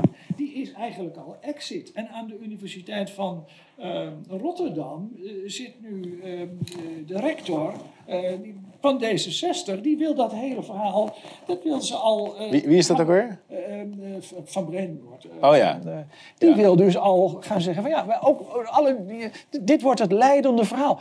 Dus niet voor een afdeling, niet voor een persoon, niet voor de hele universiteit. Dus als je dan gaat zeggen, ja, ik denk een beetje anders over de EU. of Ja, over ja, dan maak je geen dit schijn en van kans dat, meer. Ja, dan moet je toch, dan moet u naar een andere universiteit. Dan, dan, Ja. Dus dat, heb je al een Op zich zou er nog niks op tegen zijn. Ik bedoel, als je zegt van nou oké, we als maken wat... pluriformiteit Ja, dan, maar die heb je dus voorlopig niet. Nee. Dus, dus de, de, de Erasmus Universiteit is nu even ideologisch geoormerkt als D66-universiteit. Ja, maar er is niets wat daar tegenover staat. Ja, ja. Dat, dat moet Ja, allemaal met crowdfunding bij elkaar worden ge- Of eh, met eh, gehaald. de brede maatschappelijke beweging. Ja, ja, dat Waar, is ook, eh, wat we aan het doen zijn. Ja, ja, precies. Ja, dat, Ja, is, ja. dat is het. Het wachten is op een leuke dictator ergens in Afrika of zo... die ons een stuk land ter beschikking stelt. Die zegt, jongens, Ja. jullie zijn leuk. Zoals met Maarten Luther. Weet je wel, die kon op een gegeven moment bij een of andere leuke Duitse eh, aristocraat... kon hij eh, Ja. Zijn kritiek op eh, de katholieke kerk gaan schrijven. ja. Dat hebben we eigenlijk nodig. Iemand die, die, die Af- Afrikaanse dictator is niet rijk genoeg. Dan moet je Hey. toch bij, meer bij Qatar, in termen van Qatar gaan ja, denken. ja, nee, daarom ben ik wat milder over de... Jij hebt me door. Heren, eh, ik denk dat we het moeten gaan afronden. Het is een lang gesprek geworden, en, maar het is een heel boeiend gesprek geworden. Ik hoop dat de kijkers dat ook vinden. Ik vond het in ieder geval wel. Ontzettend bedankt, Pieter. Ja, jullie ook bedankt. Ik ga je een hand geven. Dankjewel. Dankjewel. Dankjewel. Dankjewel. Dankjewel.